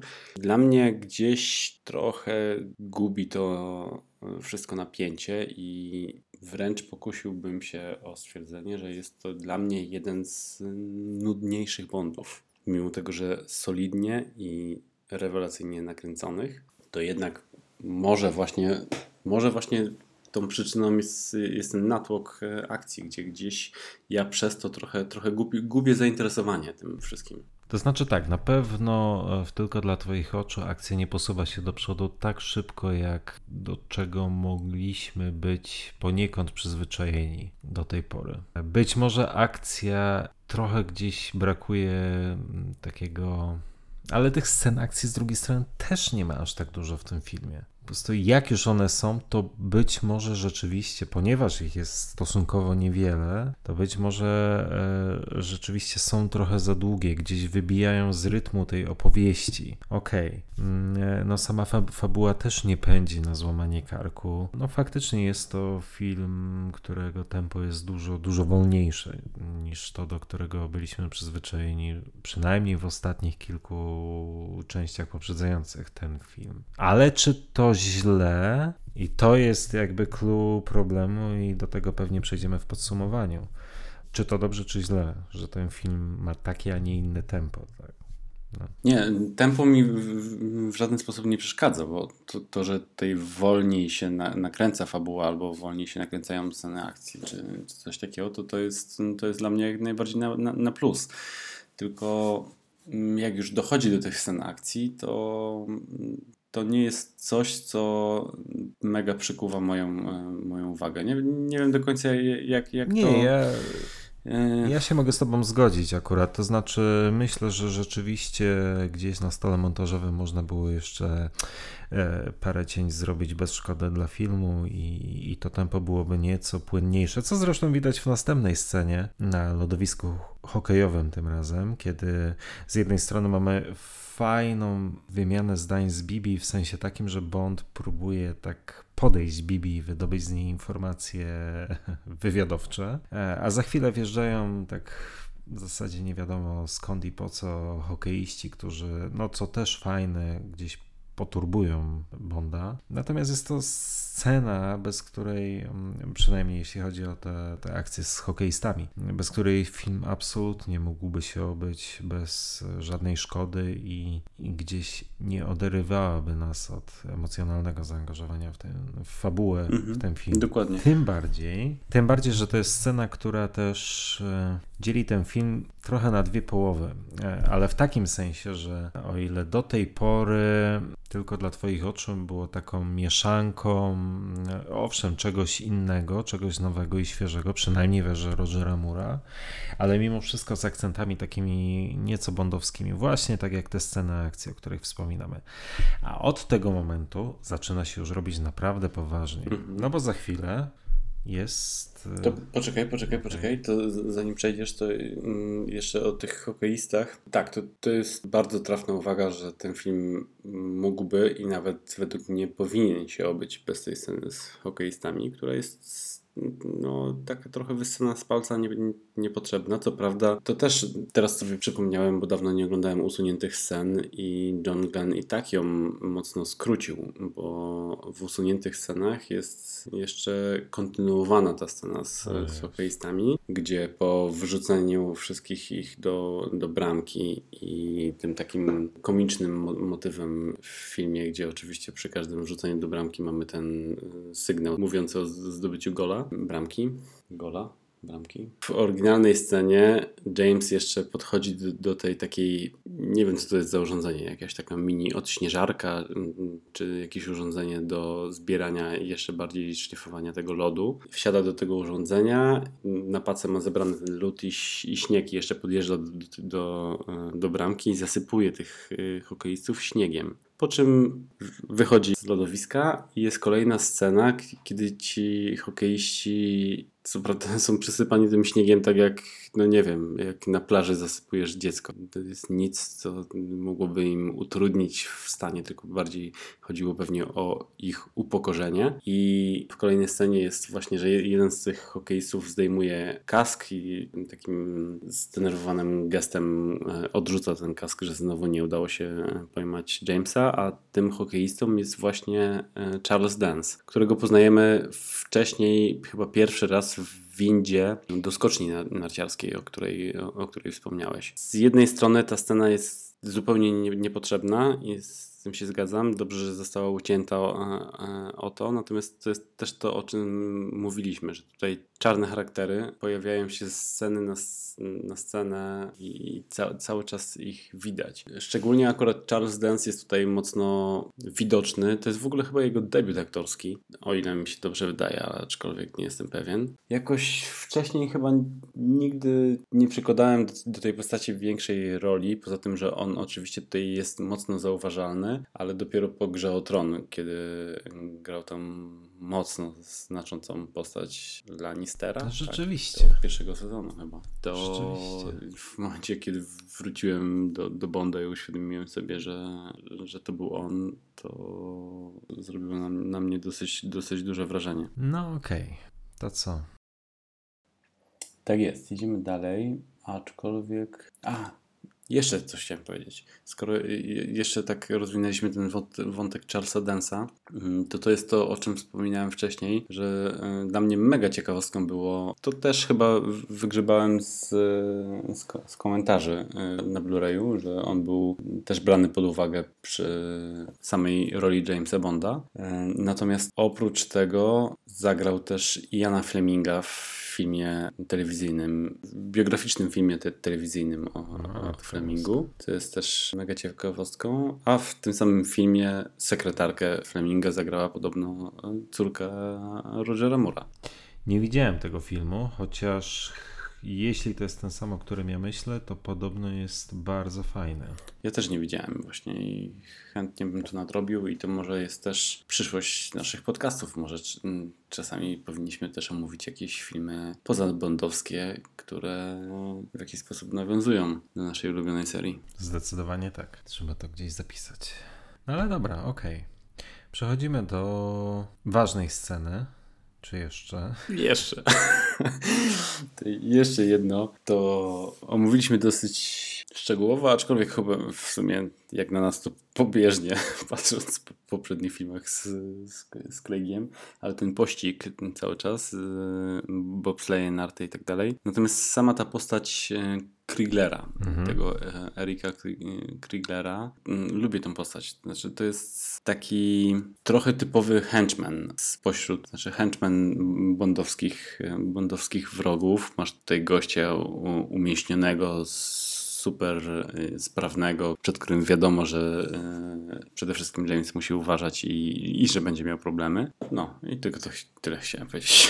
No tak, ale to jest kolejna postać, która ma, e, ma osobowość w tym filmie. Tego może jeszcze oczywiście w tych scenach nie widać. To dopiero później będzie w scenie w meteorach. Dopiero gdzieś bardziej scena w meteorach tą postać rozbuduje. No ale to jest kolejna postać, która nie jest po prostu wpisana do scenariusza po to, żeby nijaka wpisana do scenariusza po to, żeby gdzieś odfajkować, e, dobra, tym razem chociażby henchmana, tak? Tylko no, na razie o niej wiele nie wiemy, oprócz tego, że to jest sportowiec. Potem się gdzieś możemy i to znów bardziej domyślić, niż jest to mówione wprost, że jest to agent, e, chyba, tak? Bo nie wiem, czy jest to powiedziane wprost, że jest to agent KGB, pracuje w zasadzie na, na, na, na dwa fronty, bardziej dla generała Gogola niż, niż dla Kristatosa. Tak więc, no to jest, to, jest, to jest fajne w tym filmie. Każda postać, która się pojawia na ekranie, coś wnosi do tego filmu. Ma osobowość.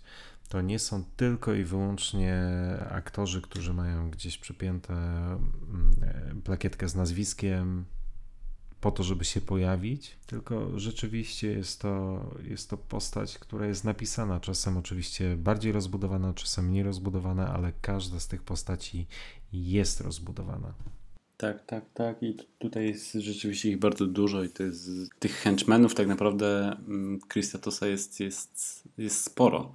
Poza, poza tym, tymi takimi e, mniej zauważalnymi, którzy i tak się przejawiają scenę po scenie.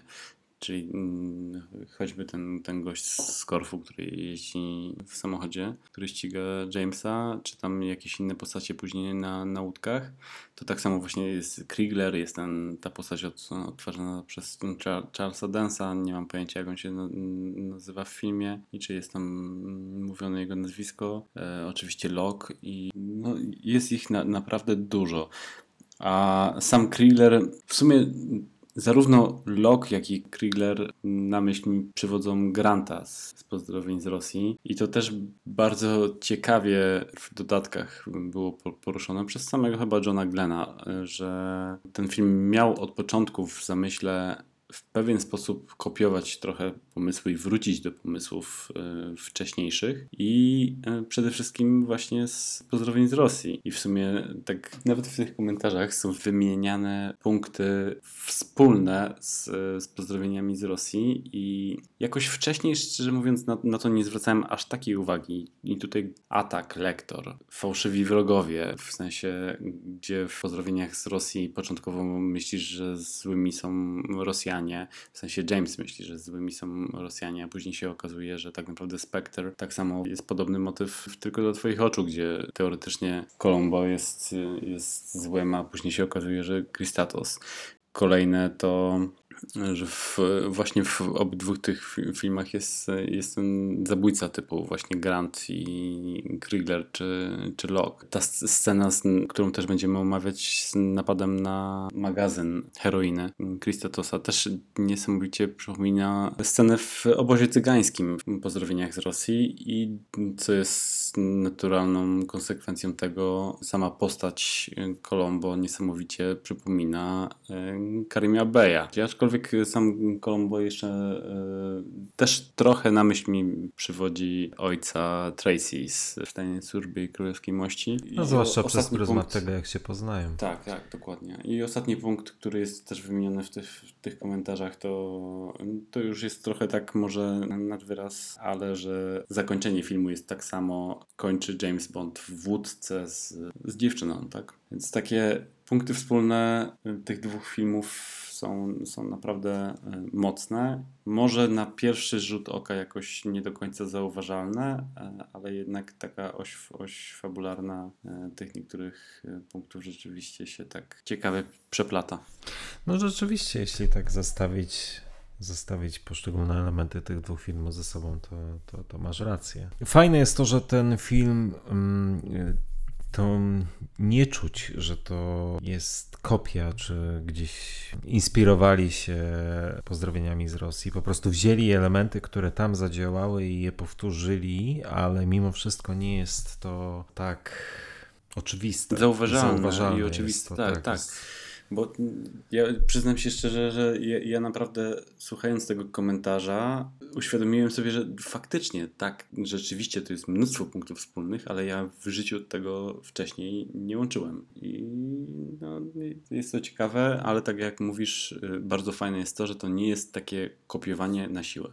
No i po hokeistach, wracając do, do fabuły filmu, to też jest e, dosyć znacząca później scena, w której Roger Moore odkrywa zabitego Ferrari mm -hmm. z gołębiem, tak, z przypinką gołębia, którą gdzieś odnajduje. Ale e, ta scena właśnie z tego względu jest istotna, ale istotna też jest, czy fajna jest też dlatego, że nie wiem, czy się ze mną zgodzisz, ale tutaj widać po Rogerze Murze, że śmierć Ferrari robi na nim wrażenie. Tak, nie jest tak, tak, takie po prostu, nie przechodzi nad tym do porządku dziennego, tylko autentycznie na, na twarzy Rogera Mura widać emocje. Zdecydowanie i też w ogóle to też jest kolejna scena, w której, która jest dosyć mocna, bo wpasowując się w poprzednie zabójstwa pokazane w tym filmie, tutaj też widać albo podrżnięte gardło, albo ślad po uduszeniu, tak? Ale taki dosyć... Tego już nie wiem. Nie, nie, nie zwróciłem na to uwagi. W każdym razie to nie jest tak, że patrzy na Ferrari i tutaj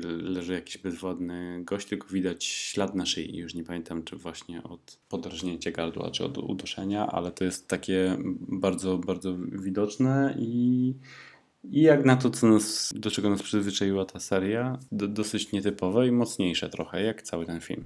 No i przenosimy się na Korfu.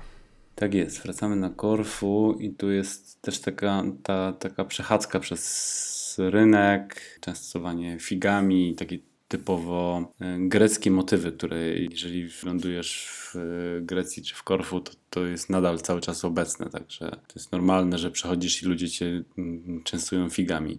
To jest dosyć ciekawe i tam ten punkt widokowy, taki trochę wyciszający, wyciszający motyw prowadzący później do, Nie, rzeczywiście. do, do tego kasyna chyba. No. To jest rzadka, rzadkość. Tak, w tej serii te, tego typu sceny jest rzadkością. To jest takie z życia wzięte, z życia... Zwykłego człowieka, nie agenta. Zwykłego nie? człowieka, dokładnie. Tak. I ja akurat lubię tą scenę. Mhm. Tylko też nie jestem pewien, czy lubiłem ją będąc młodszym. Teraz ją lubię i przypomina mi to i, i wycieczkę na Korfu i jakieś mam takie miłe odczucia. Nie wiem, czy jako y, właśnie młodsza osoba, nie mająca żadnego doświadczenia z podróżowaniem do tego miejsca, czy robiło to na mnie jakieś pozytywniejsze wrażenie, czy właśnie przeszkadzało bardziej. Teraz mi na pewno nie przeszkadza. Ale to jest właśnie fajne w tej serii. O tym kiedyś już też poniekąd rozmawialiśmy, że te filmy, pomimo tego, że filmy są cały czas takie same, to nasze spojrzenie na nie się zmienia z biegiem lat. I to jest, to jest super. To jest świetne w tej serii właśnie. Dokładnie tak.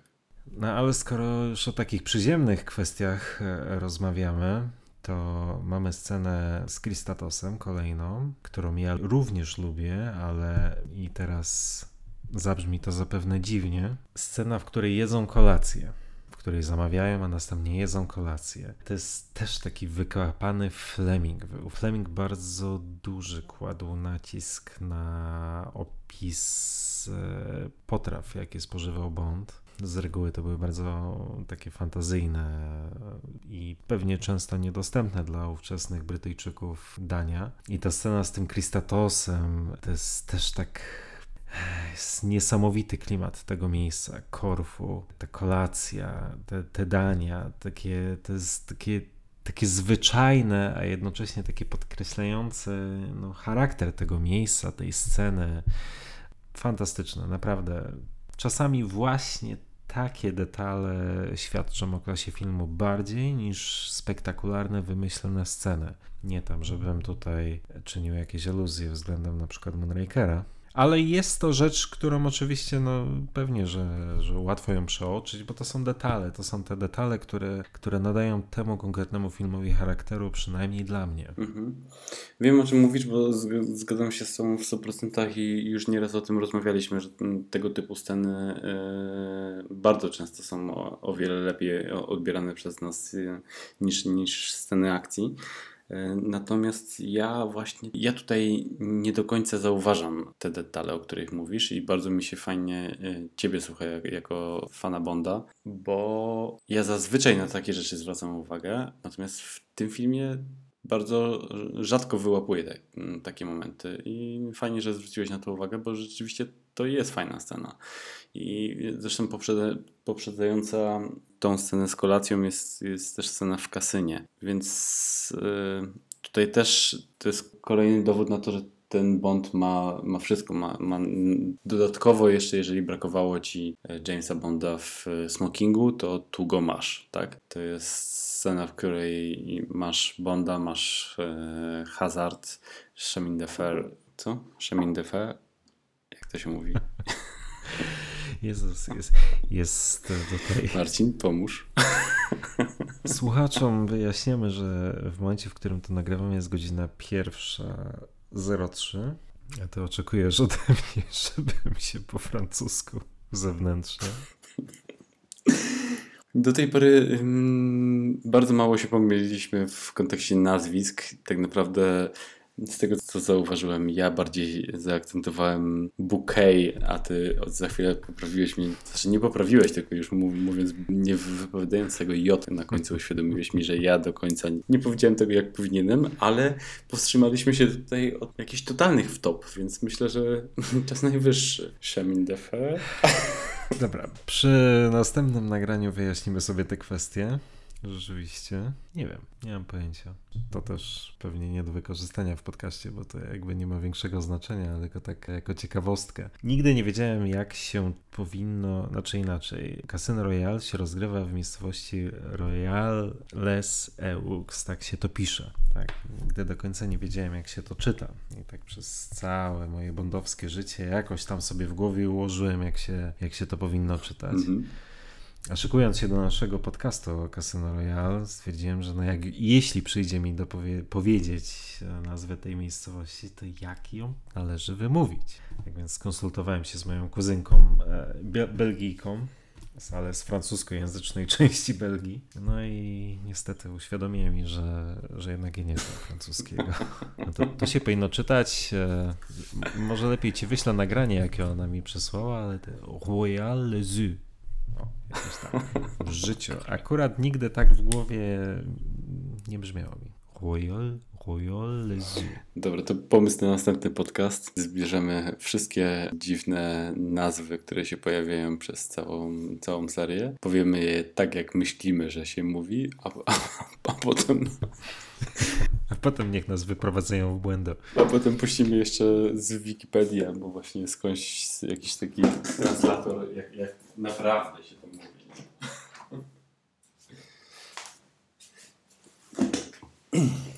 Mogłoby być też dobre.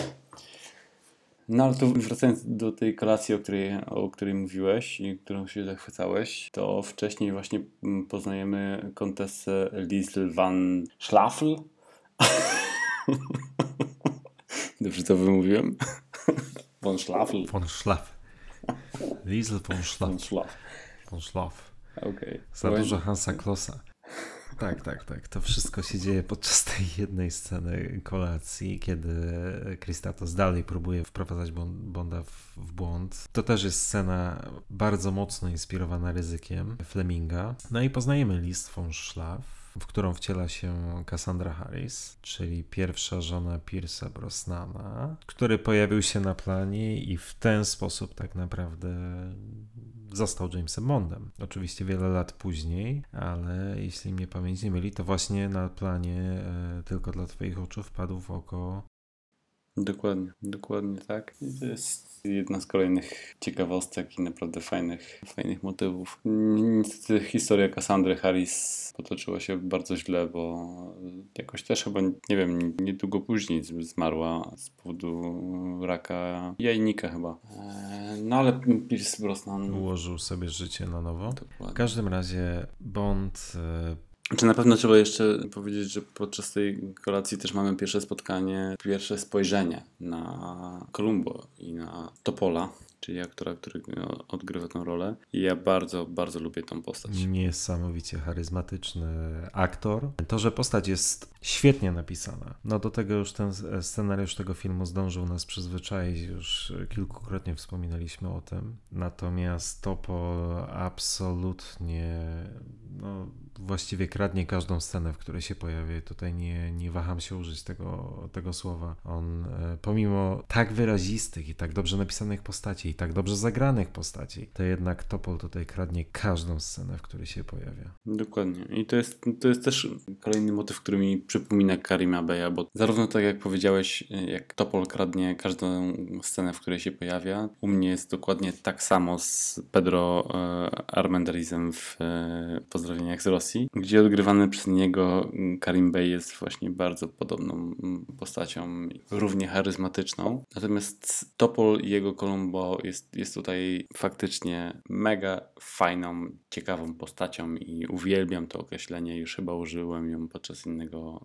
podcastu. Likeable. To jest osoba, która, którą widzisz na ekranie i od razu ją lubisz i jesteś za nią. To jest e, świetny gość i podobno taki sam był w życiu prywatnym i, i na planie. I podobno był przesympatyczny gość, którego wszyscy bardzo, bardzo lubili. Tak. No, no absolutnie zgadzam się z Tobą w 100%. To co? Lecimy do kontesty. Lecimy do kontesty, ponieważ to wymaga odnotowania, że wreszcie się doczekaliśmy sceny Łóżkowej. Sceny łóżkowej. No, jesteśmy znacznie za połową filmu.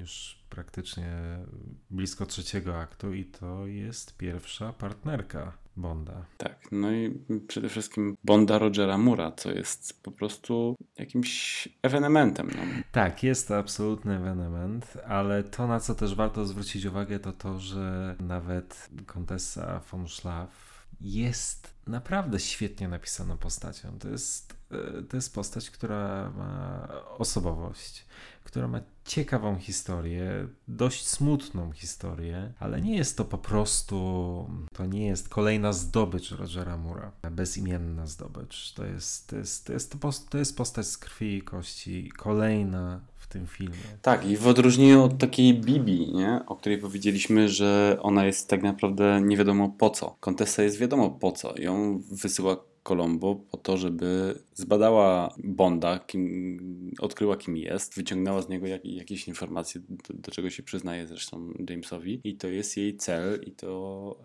jest postać, która, tak jak mówisz, je, je, jest po coś, tak? Jest po coś i też fajne jest to, że pomimo tego, że tak krótko się pojawia na ekranie e, i w scenariuszu, to mimo wszystko Bond nawiązuje z nią bardzo specyficzną więź, bo to widzimy w kolejnej scenie, scenie spaceru po plaży. Mój Boże, James Bond spacerujący z kobietą po plaży. Było kiedyś? To jest pewnie, że można powiedzieć, że jest to scena e, rodem z opery mydlanej, ale to jest taka, taka normalna ludzka scena. Kolejna w tym filmie. Tak się zachowują ludzie. I kiedy no już e, Liz ginie, to widać na twarzy Bonda widać e, przez chwilę, to jest takie, taki fajny niuans, ale, ale widać autentyczny wkurw Tak. na twarzy Rogera Mura. Zdecydowanie i też tym bardziej w późniejszej scenie z Lokiem. Znaczy to przede wszystkim tak, ta, i ta scena z, ze śmiercią Ferrari i ta stanowią solidną podbudowę do tego, o czym za chwilę będziemy rozmawiali, bo no, to jest prawdopodobnie jedna z najważniejszych scen w tym filmie. No ale nie uprzedzając faktów, przenosimy się na łódź e, Colombo. Tak, i ja akurat tą scenę zawsze lubiłem. Tą nieufność Jamesa wobec Colombo. Tutaj chyba s- słusznie e, porównałeś tę scenę do sceny, w której Bond, oczywiście grany przez e, George'a Lazenbiego, poznaje Mark Ange Draco. To są rzeczywiście sceny bardzo podobne, przynajmniej początkowo, ale ta scena jest świetnie napisana. Są bardzo soczyste dialogi, bardzo dobrze zagrana jest ta scena. Naprawdę jedna z najlepszych w tym filmie. Jedna z wielu świetnych w tym filmie, ale, ale, ale czołówka pod tym względem. Tak, no i ja, ja bardzo lubię tu właśnie tą nieufność Bonda wobec Colombo, tą odmowę w ogóle drinka, tak, w sensie e, Uzo, ale tak jak powiedziałeś, to jest jedna z lepszych scen w tym filmie, zawsze ją bardzo lubiłem. Kawał dobrze rozpisanej postaci i, i intrygi i, i tego, że tu, tutaj właśnie w tym momencie do- dowiadujemy się, że tak naprawdę Christatos jest tą złą osobą, głównym wrogiem, a nie Colombo. I za chwilę tym bardziej Colombo, odgrywany przez Topola, po- pokazuje swoją wartość w ataku na ma- magazyn, który jest na następną sceną. Mhm. Zresztą też bardzo dobrą sceną. To jest akurat scena akcji, która nie nuży, która trzyma w napięciu, która jest temu filmowi potrzebna. Bardzo też lubię w tym tej scenie, e, już parokrotnie też o tym wspominaliśmy, takie zamiłowanie do detali, takich nietypowych rzeczy, które w innych filmach o Bondzie e, pewnie by nie przeszły. Tutaj bardzo lubię scenę, w której e, Pistacje. Dokładnie.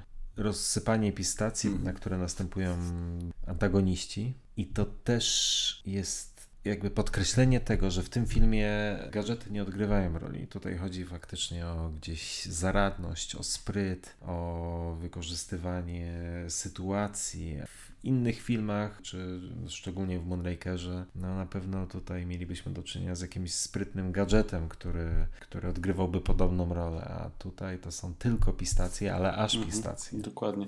To w ogóle też na dodatkach można było usłyszeć, że to akurat był właśnie y, pomysł samego Topola, który y, stwierdził, że jego postać powinna mieć jakiś taki charakterystyczny tiki, robić coś, więc wymyślił wsuwanie pistacji, których bardzo lubił. No ale to też się przysłużyło czemuś w tym filmie i ta scena i ten motyw to jest taka drobnostka, którą właśnie, na, którą zwraca się uwagę i jest bardzo fajne. Tak samo jak coś, za co kocham doktora No i wyrwanie włosa, przyklejenie na, na szafie. To są takie rzeczy, pamięta się i robią naprawdę do, dobre wrażenie. I są to też sceny, od których ta seria na tym etapie już nas odzwyczaiła. Dokładnie tak. No i przechodzimy do jednej z naj, najważniejszych, najlepszych scen, nie tylko w tym filmie, ale w całej e, erze Rogera Mura. Tak, co jest pewnym rodzajem paradoksu, bo Roger nie do końca z takimi scenami był kojarzony i wydaje mi się, że mimo wszystko chyba ci, którzy najbardziej szanują e, Rogera Mura, to nadal nie wiem, czy dla nich jest to najważniejsza scena. Roger Moore wydaje mi się, że jednak zyskał sobie tą popularność tym swoim śmieszkowaniem, tym podejściem takim luźnym, a tu mamy do czynienia z czymś, co jest zupełnie nietypowym i dla widzów, dla nas, jak i dla, dla samego Rogera, o czym też pewnie powiemy. Ale w kontekście e, widzów takich jak my, chyba zarówno ja, jak i ty, którzy bardziej lubią takie realne podejście i czasami takie mocne jakieś motywy, to ta scena jest, jest fenomenalna. Jest fenomenalna. Tak, ja nie boję się akurat e, tego stwierdzenia. To jest najlepsza scena Rogera Moora jako Jamesa Bonda. Roger Moore miał opory przed zagraniem tej sceny, ponieważ no, nie do końca rzeczywiście ona wpisywała się w jego interpretację Jamesa Bonda, czy w interpretację, do której widzowie byli przyzwyczajeni. Tak, bo on tutaj w ogóle, e, z tego co pamiętam, on w ogóle nawet nie chciał kopnąć w ten samochód, nie? Tak, tak. Wydaje się, że sugerował, że samo rzucenie e, Przypinki, gołębia, tak, spowoduje ruch loka i, i ten sam samochód spadnie, nie? Natomiast został przekonany przez Johna Glena, że jednak jest to, to jest potrzebna scena, no i chwała Bogu. I Johnowi Glenowi, bo naprawdę scena jest bezbłędna. To jest krótka scena, ale, ale naprawdę wiele mówiąca. I mina Mura, jego mimika, jego. No, zagrał ją bezbłędnie. Mhm. Dokładnie. Ja w ogóle e, teraz przygotowując się do, e, do tego podcastu i nie mogąc spać po nocach, bo mam z tym cały czas jakiś problem, to w nocy czytałem fragment biografii Rogera Mura i tam też mnie zaciekawił fakt, że on wprost pisał o tym, że jemu ta scena nie odpowiadała, ponieważ nie tak sobie ułożył w głowie postać Bonda, którego chciał odgrywać. E, mówił o tej przypince, że chciał, żeby tylko rzucić przy, przypinkę i John Glenn i scenarzyści namawiali, żeby to się zakończyło takim mocnym właśnie kopnięciem w, w samochód. Natomiast on w swojej biografii kwituje to tak, że doszli do kompromisu i po zarzuceniem tej przypinki, to on delikatnie popycha samochód. Tak naprawdę ja nigdy nie kojarzyłem tego z delikatnym popchnięciem samochodu. On tam daje mocnego kopa y, i zrzuca loka w przepaść i to wygląda tak, jak powinno wyglądać. Zastanawiam się, czy on pisząc tą biografię już do końca nie pamiętał, że, że mocno przywalił ten samochód, czy w oryginalnym scenariuszu było to, nie wiem, jeszcze jakoś mocniejsze może. Nawalał w ten samochód jak głupi. Ale też swoją drogą to też jest ciekawe, bo że akurat z tą sceną Mur miał problem, bo przecież wcześniej Mur nie stronił raczej od eliminowania wrogów z zimną krwią. Przecież yy, poratuj mnie, jak się nazywał ten łysy gruby na dachu. Właśnie Sandor. o tej scenie chciałem powiedzieć, czyli tej prowadzącej do Fekesza z tym grubym gościem z krawatem. No, no. no i właśnie, i, i, czym te dwie sceny się od siebie różnią? Jedna i druga to jest tak naprawdę zabójstwo z zimną krwią. Gdzieś w afekcie, gdzieś jest to forma zemsty, a jednak ta scena e, z zabójstwem Loka jest zdecydowanie mocniejsza i robi zdecydowanie większe wrażenie. Czy to tylko i wyłącznie kontekst, czy to, co się dzieje później, bo w szpiegu, który e, mnie kochał, wiadomo, Bond poprawia sobie krawat, rzuca jakiś bon mot i w zasadzie jedziemy dalej z fabułą i z konwencją, w jakiej ten film jest utrzymany, natomiast e, tutaj jednak jest to bardzo mocno podbudowane wszystko, co się dzieje wcześniej, bardzo wiele rzeczy, które się dzieją wcześniej, prowadzą do tego, do tego momentu. Tak, ja, ja myślę, że tu przede wszystkim kontekst doprowadzenia do, do tej sceny. To jest to, co robi tutaj niesamowitą różnicę, ale to, co powiedziałeś, brak jakiegoś takiego typowo bondowskiego gestu, typu poprawienie krawata, rzucenie jakiegoś śmiesznego tekstu na koniec, to też jest znaczące tutaj. No i to, to po prostu robi wrażenie. Tak. Tak więc dla mnie to jest najlepszy mur. Najlepszy Bond w wykonaniu Rogera Mura w tej akurat konkretnej scenie. Nie zgadzam się z tą, ale. ale też uważam to za jedną z ikonicznych scen i bardzo, bardzo ją lubię. No dobra, a co jest najlepszym murem? Bondem mura. Wiesz co, nawet nie wiem, czy, czy jestem w stanie po powiedzieć, co jest najlepszym, natomiast e, ja mam po prostu w kontekście Rogera Mura przyjąłem tą, ja, ja go polubiłem za tą konwencję tego śmieszka. I mimo tego, że to zdecydowanie odbiega od mojego ulubionego Jamesa mm-hmm. Bonda, ale jednak wolę Rogera Mura, tej śmiesznej wersji Bonda niż poważnej. Nie do końca mu wierzę. Okay. Mimo tego, że tu tą scenę, którą mówiliśmy, jest stuprocentowo dobrze zagrana i bardzo wiarygodna, to ja Rogera Mura po prostu widzę w serii bondowskiej w innym świetle. Chyba go wolę właśnie w, tym luźniejszym kontekście. No okej. Natomiast gdyby taka scena na przykład była u Shona Connerego, znaczy są jakieś odpowiedniki tego, tak? Typu zabicie Denta, czy no może to jest złe porównanie, ale o, o wiele bardziej bym wolał zobaczyć kogoś innego. Nie, nie, nie, nie, nie. To nie jest e, złe porównanie. Po prostu to jest scena, o której, przy której dłużej będziemy się musieli zatrzymać e, przy okazji omawiania doktora No. Mhm. Bo jest to scena, myślę, z pewnego punktu widzenia oczywiście e, problematyczna. No na pewno. Na pewno, natomiast takiego, takie bad guy i zabójstwa z zimną krwią dla mnie po prostu dla do Rogera nie do końca pasują i jednak go wolę w tych komicznych wersjach, dlatego też tym bardziej pochlebnie patrzę na takiego na przykład Moonrakera. No tak. No nie musimy zaraz, wiesz, tak ze skrajności w skrajność, ale, ale okej. Nie, ja powiem tak, już zupełnie na poważnie. E, Myślę, że Murowi należał się taki film. Tym bardziej, że też nie zaczynał od takiej, e, takiej lekkiej konwencji, bo e, Żyj pozwól umrzeć przecież nie było takim filmem, w którym było dużo mrugania okiem, do widza okiem. To był film raczej robiony na poważnie. Dopiero od e, człowieka ze złotym pistoletem. Znaczy mniej, poważ, mniej poważnie niż y, tylko do twoich oczu, ale tak, trochę, trochę bardziej na, na poważnie. I to jest, szczerze mówiąc, jeżeli y, mam wymienić mojego ulubionego mura, to jest mur z y, Żyj pozwól umrzeć. Mhm, mhm. Okej, okej. Gdzieś po prostu w pewnym momencie po drodze coś się, coś się odmieniło. Znaczy inaczej. No.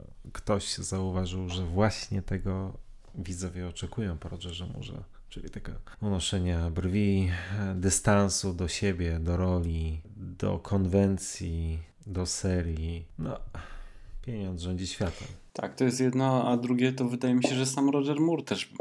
On chyba najlepiej jednak się czuł w tych, tych takich e, luźniejszych e, scenach, bo mimo tego, że doceniali ludzie i doceniają tak samo jak, jak choćby ty, jak teraz mówisz o, o, o tych mroczniejszych aspektach odtwarzania Jamesa przez, przez Rogera Mura, to on też właśnie w swojej biografii pisał, że widać, że to rzeczywiście się podobało, więc to był dobry zabieg e, scenariuszowy. Natomiast on nie do końca się z tym dobrze czuł. Mhm.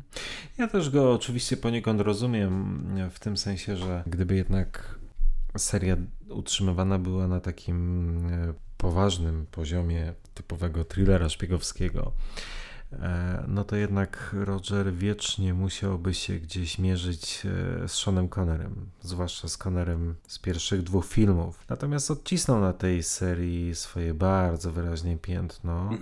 E, Tak, Niektórzy tak, go tak. uwielbiają, inni trochę mniej. E, Ja nie mam swojego ulubionego odtwórcy roli Jamesa Bonda, ale na pewno nie jest nim Roger Moore. Tym niemniej no, doceniam jego wkład w tę serię. Mhm. Moore ma o tyle pecha, że najbardziej się kojarzy, czy najba- najbardziej ikoniczne jego role są z filmów, które są, nie wiem jakby to ująć.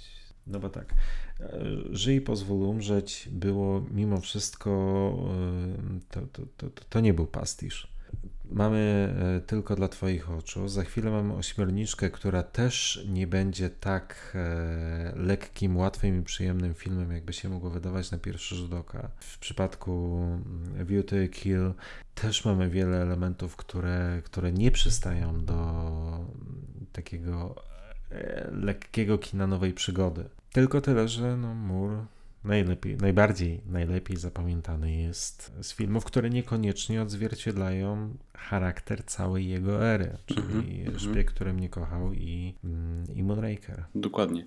I ja- mam na przykład właśnie, jak byłem młodszy, to bardzo lubiłem szpieg, który mnie kochał. Natomiast im później, tym bardzo dużo rzeczy mi w nim przeszkadzało. Dla mnie Moore ma, ma takie filmy, w których jest dla mnie idealny, typu właśnie Live, Live and Let Die, typu nawet A View to Kill.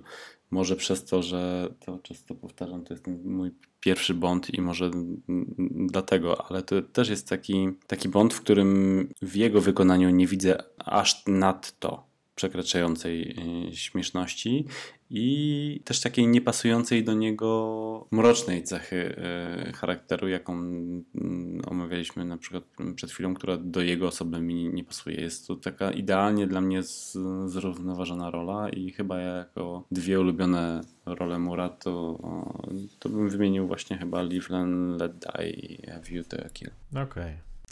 I myślę, że y, pomijając oczywiście ocenę tylko dla Twoich oczu, jestem się w stanie z Tobą absolutnie zgodzić. To co? Lecimy dalej z fabułą?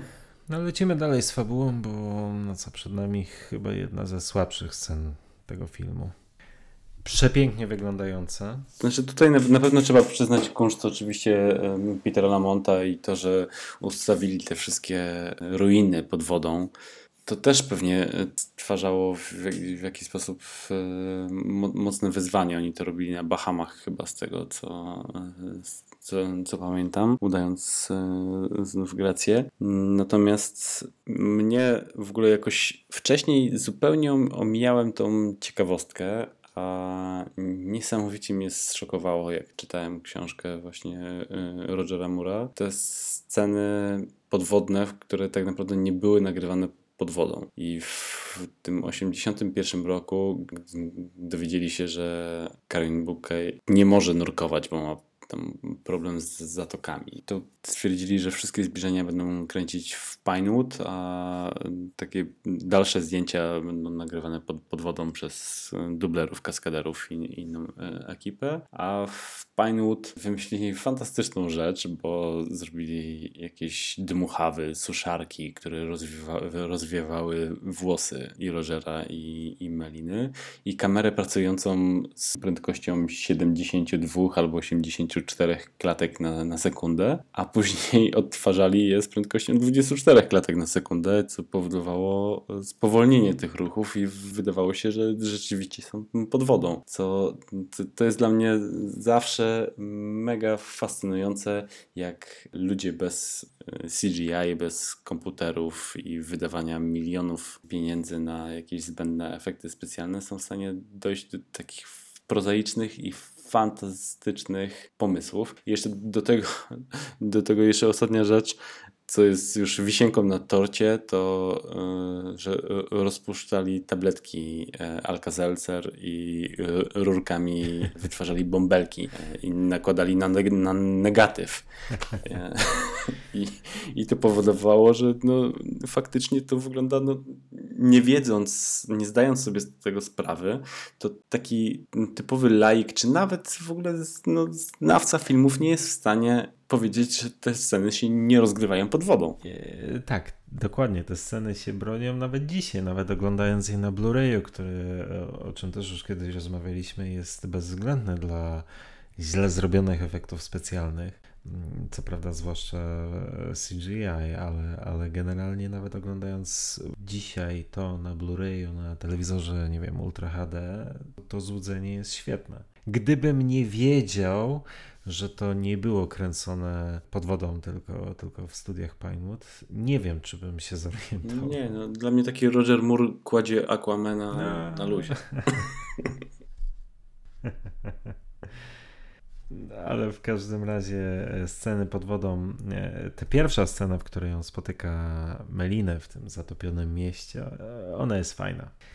Ona jest fajna, natomiast ta dalsza, te, te kolejne sceny, one są efektowne. Mm -hmm. Mówię o tych takich. Batyskaw. Batyskaw, tak. te, te finezyjne kostiumy. Tak. One są efektowne, okej. Okay. Natomiast no, jak to sceny podwodne, po prostu są nieco zbyt przeciągnięte i trochę gdzieś wybijają widza z rytmu. Ale technicznie są nienaganne, to, to prawda. Domyślam się, że trochę pijesz do Thunderbola, gdzie tak. faktycznie są też y, przeciągnięte w nieskończone te sceny. Natomiast ja na przykład z Thunderbolem nie mam tego problemu. Mimo tego, że jak byłem młodszy, to na tych scenach usypiałem, to mm, lubię te sceny podwodne w Thunderbolu. Są są dla mnie dynamiczne, jakieś w tej chwili oglądam je z mega zainteresowaniem. Natomiast tutaj to jest właśnie to samo, o czym mówiliśmy w, w Cortinie. Te sceny, raz masz ich nurkowanie, raz masz batyskaw, raz masz rekiny, raz masz ten kombinezon i tu znowu jest natłok tego wszystkiego. Też w takim tempie, ogólnie tempo tych scen nie jest jakieś przewrotne. No jest to tempo podwodne. Mnie, mnie to po prostu trochę nudzi i nie wyzwala we mnie jakichś większych pozytywnych emocji, mimo tego, że jest to fenomenalnie zrobione jak na te czasy. Tak. No, scena fabularnie oczywiście jest o tyle istotna, że wreszcie wracamy do systemu atak po właściwie czterech piątych Mhm. filmu. Tak, tak. Myślę, że większość widzów zdążyła już zapomnieć o tym, że, Dokładnie. że w ogóle to było, to stało podstaw tego Dokładnie filmu, tak. czy fabuły tego filmu i pewnie gdyby w ogóle już do, do, do motywu ataku nie wracać, to... Można by zapomnieć. tak można by było o nim zapomnieć, bo, bo dalsza część filmu mogła po prostu polegać na, na, na, Zemście. na, na zemście czy powstrzymania Kristatosa i w zasadzie nikt by się nawet nie zorientował, że tam jeszcze był jakiś system zakłócający. No ale okej, no okej. No ale jest, jest ta seria scen podwodnych, e, a potem oczywiście e, udaje im się wy- wydostać w końcu na, na powierzchnię, ale od razu zostają schwytani przez Kristatosa i jest kolejna akcja z, już na wodzie, która jest już trochę bardziej dynamiczna i bardziej emocjonująca na pewno. Ale tutaj akurat, y, przepraszam, że ci wejdę w słowo, bo nie byłbym sobą, oczywiście, gdybym nie, nie dodał, że ta scena przeciągania pod kilem to jest zapożyczona z powieściowego Żyj i pozwól umrzeć. Ta scena nie znalazła się w filmie pod tym samym tytułem i wrócono do niej e, teraz, ale, ale to jest to jest żywcem właśnie wyjęte z Live and Let Die Fleminga. Ta scena akurat jest fajna, bo jest oprócz fajnych zdjęć, jest też nieco większy suspens, przynajmniej w moim przekonaniu. Tak, na pewno. No i dobrze, przechodzimy do trzeciego aktu. To teraz tak, dwie szybkie sceny. Jedna to papuga zdradzająca pozycję Kr- Kristatosa, w sensie naprowadzająca bardziej na klasztor świętego Cyryla, który jeszcze James nie wie, gdzie jest, ale, ale później się dowie dzięki Q i to prowadzi do właśnie Q, którego James spotyka w konfesjonale. Co też jest mm, mega ciekawą opcją, bo początkowo mm, zamysł w scenariuszu był taki, żeby w tym konfesjonale e, James się spotkał z M. Teraz wyobrażasz sobie Bernarda Lee przebranego za księdza siedzącego w konfesjonale i dającego wytyczne Jamesowi w, tylko dla twoich oczu? Nie miałem o tym zielonego pojęcia, ale bez względu na to, dlaczego tam się Bernard Lee nie znalazł, to, to by mogło być coś, co dość poważnie by ten film zepsuło. Czasami jest tak, przynajmniej ja czasami mam tak, że film potrafi mi zepsuć detale i wcale bym się nie zdziwił, gdyby to był właśnie taki detal. No to, to przepraszam, że ci uświadomiłem, że taki był główny zamysł scenariusza. Mam nadzieję, że nie będziesz o tym pamiętał, jak chcę zobaczyć następnym razem Desmonda.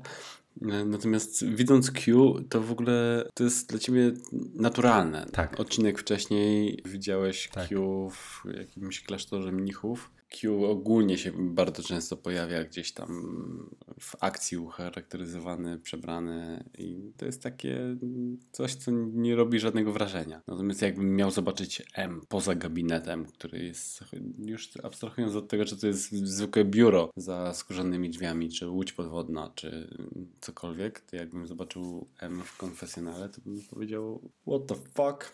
Nie, to no, bardzo dziwne w sumie.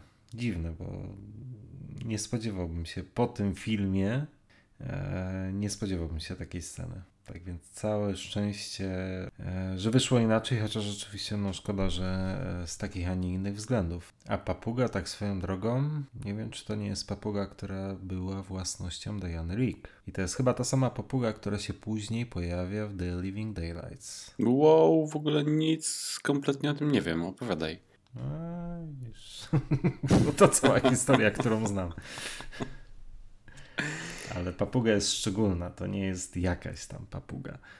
Mhm, ale i jaja. W ogóle o tym nie, nie słyszałem. Bardzo ciekawe, lubię takie ciekawostki, dziękuję. Do usług. I e, trzeci akt. Meteory. Trzeci akt, meteory. Absolutne. Uwielbiam tą scenę. No, to widzowie. Słuchacze tego nie widzą, ale widzę Twoje kręcenie głową.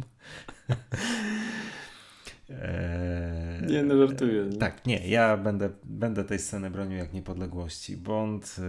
Te, świetny jest suspens w czasie tej wspinaczki. Ja zdaję sobie tak. sprawę z tego, że to nie jest, nie wiem, to nie są popisy kaskaderskie na miarę współczesnych Aczkolwiek są. Ale wygląda to naprawdę imponująco. To jest takie, taka mm -hmm. scena naprawdę e, bardzo umiejętnie budowany jest suspens, tam nie ma muzyki, to nie jest efekciarsko nakręcone. Ja bardzo lubię tą scenę. Tak. I nie rozumiem skąd to kiwanie głową.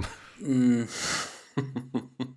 Zaraz będę próbował się jakoś tłumaczyć, ale e, tak, sam mm, ten motyw spinaczki też bardzo lubię. I tym razem akurat ja nie mam wrażenia, że, wrażenia, że ta scena jest e, przeciągnięta. Nie, no, to jest mm, motyw taki, który dobrze znamy z, z filmów typu Tylko dla Orłów, niedaleko szukając yy, w tajnej służbie królewskiej mości, czy działa na Warony. Sprawdzony schemat, który mm, działa, ja, ja bardzo lubię tego typu sceny, więc to nie jest tak, że tutaj kiwałem głową, że nie uważam, żeby to, to było jakieś wybitne. To jest jedna z lepszych scen, jeżeli chodzi o, o tą wspinaczkę. Jeżeli wspomniałeś o mm, popisach kaskaderskich, to też uważam, że tutaj ten upadek Rogera, mm, gdzie jeden z, Woli e, w jakiś sposób od, odczepia tą, ten karabinczyk, linę, czy jak zwał, tak zwał, nie wiem, nie jestem alpinistą. W każdym razie to też robi niesamowite wrażenie, że tutaj leci człowiek na, na tej linii, a nie jakaś kukła też bardzo fajnie podkreślali to na, na dodatkach, kiedy ten kaskader powiedział, że ok, zgodzi się to zrobić, ale zrobi to tylko raz i żeby to nagrali, bo, bo nigdy w, w życiu tego nie, nie powtórzy. To było imponujące, jeżeli chodzi o popis kaskaderski. I jeżeli chodzi o napięcie, tak samo. Nie wiem, jeżeli miałbym się o cokolwiek przyczepić w tej scenie, to jakoś zawsze tak dziwnie patrzę na, na tą e, ekipę na dole z, z Meliną, którzy o, o, obserwują to wszystko z dołu. Ale nie chcę się tutaj do niczego przy, przyczepiać. Ja mam jakiś ogólnie e, uraz do grymasów Meliny w, w tym filmie i, i to, to może po części dla, dlatego mi trochę przeszkadza, ale sama ta wspinaczka jest naprawdę bardzo, bardzo w porządku. Mhm. No potem jest oczywiście tradycyjna e, konfrontacja z głównym czarnym charakterem. No, Myślę, że tutaj nie ma niczego nadzwyczajnego w tych scenach. Oprócz tego, że jest taka. Ja lubię w ogóle ten trzeci akt, ponieważ on jest taki dosyć e, zwarty, konkretny. Mhm. Poza oczywiście sceną wspinaczki, która z definicji pewnie musi być e, mniej dynamiczna. Natomiast to, co się dzieje później, jest po prostu taką solidną rzemieślniczą robotą, która ani się jakoś szczególnie nie, nie, nie wyróżnia niczym nadzwyczajnym, ani też nie nudzi, co jest w sumie najważniejsze. Tak, no nie jest przeciągnięta, to nie jest takie e, typowy najazd na bazę typu You Only Live Twice, tak, i najazd na wulkan i jakieś rozmuchane. Tu jest rzeczywiście zwarta w odpowiednio dozowana akcja. Jest tu kilka takich motywów, na które podczas ostatniego seansu z, zwróciłem większą uwagę. Na, na, przykład, kiedy y, Melina ratuje Jamesa i strzela z kuszy w jednego z ochroniarzy Kristatosa. I fajne jest to, jak ona chwilę później próbuje uratować tego gościa, w sensie wyciągnąć mu strzałę, zobaczyć, czy z, z nim wszystko jest ok. Jest taki mały niuans, na który mhm. zwróciłem uwagę i, i to też daje dla mnie mm, pewne fajne wyobrażenie tej, tej postaci. To z kolei ja na to kompletnie nie zwróciłem uwagi. Natomiast e, nie wiem, czy wyobrażam sobie lepszy koniec, jeżeli chodzi o Kristatosa. Czy może jednak wolałbym, żeby Melina go zabiła e, niż Topol. Nie chcę się czepiać, to nie jest nic, nic złego. To jest e, tutaj James broni Meliny przed dokonaniem zemsty. Z jednej strony myśląc, że nie wiem, w jaki sposób ją to może zepsuje w przyszłości, jeżeli dokona tej zemsty na końcu, ale z drugiej strony Melina już jest mega zaprawioną w boju laską, która jest zdeterminowana od samego początku filmu, która jest nastawiona na to, jest półgreczynką, a tak jak wiadomo, greczynki jak Elektra zawsze mm, muszą pomścić swoich swoich bliskich i zabija Gonzalesa i tutaj nie ma żadnego problemu. Jest w stanie zabić jeszcze kilka innych osób w filmie, jednak Christatos to jest ta bariera, którą James niesamowicie broni, no i pozbawia ją tak naprawdę dokonania tej zemsty, którą dokonuje Topol. I pytanie, czy ona jest usatysfakcjonowana tym? No, gość ginie, więc pe pewnie tak, ale może jakieś dosadniejsze jeszcze to by było, gdyby jednak ona mu wbiła tą strzałę. No ale przede wszystkim nie robi tego James Bond. Co już samo w sobie jest e, pewnym ewenementem. Tak, tak, natomiast jeszcze nie wiem, czy, czy tutaj jeszcze chcemy coś dodać, natomiast późniejsza scena z Gogolem to jest też coś, co mnie nieprawdopodobnie śmieszy. Śmieszy? Mm -hmm. Tak trochę żenująco w, w, kontekście tego momentu, kiedy James rozwala tą całą maszynę atak. I ja nie wiem, czy tam brakowało e, pomysłu na jakiś dialog między Jamesem a, a, a Gogolem, czy on. E, masz na myśli jego gestykulację? Tak, on nic nie mówi, tylko James, James rzuca tekstem typu nikt na tym nie zyska, ani my, ani wy. A Gogol, robi ten gest. Gestykulacja Gogola rzeczywiście jest. Tak, tu się z Tobą zgodzę. Ta gestykulacja jest. Dlaczego on nic nie mówi? Ja, ja nie rozumiem. Nawet jeżeli nie potrafił, jeżeli to jest gość, który jest nieanglojęzyczny, aczkolwiek nie wiem. Nie, no przecież kurw, przecież. E, przepraszam. Przecież mamy kilka scen, y, początkową scenę te, tego filmu, gdzie jest w ogóle, której nie omówiliśmy, a w sumie też jest rzeczą, o której chciałem wspomnieć. To też jest takie nawiązanie do pozdrowień z Rosji, kiedy widzimy gabinet Gogola i on odbiera ten swój czerwony telefon, dowiaduje się o możliwości z, z, zdobycia atak, więc on tam gada normalnie, nie? Więc dlaczego, dlaczego pozbawili go kwestii jakiegokolwiek dialogu na, na, szczycie w tym klasztorze. Nie rozumiem. I ten gest, który jest dla mnie w tej, chwili mm, po prostu jakąś parodią. No. Tak, e, faktycznie. Tej gestykulacji ja nie rozumiem. Ona to... Może być oczywiście odebrane, że się czepiamy, ale, ale mamy tutaj bardzo podobne odczucie, bo to jest tak nienaturalne są te jego gesty. Jeśli chodzi o tą początkową scenę, no to on oczywiście tam mówi po angielsku, no ale to jest w domyśle mówienie po rosyjsku. Chociaż co ciekawe, znaczy ciekawe jest w tej scenie to, że tylko teraz, czy ja nie mylę filmów, tam jest ta jego kochanka, nie? Tak, no właśnie o tym chciałem powiedzieć, bo... I ona chyba się jeszcze w którymś filmie pojawiła. Ta sekretarka niby, tak? Która Ta sekretarka, dokumenty, ale, ale tak no, za chwilę sekret... siada frywolnie no, no, no, no, no, na, na biurku i to też daje... Taka sekretarka jak, wiadomo, tak, tak, tak, tak, tak. Ja nie wiem, czy ona się nie pojawiła wcześniej w e, szpiegu, który mnie kochał. Możliwe, bo to jest w ogóle idealnie też odwzorowane chyba to całe to biuro, ten taka biuro jak mm. jakaś jaskinia Gogola, Gogol Cave. Tak.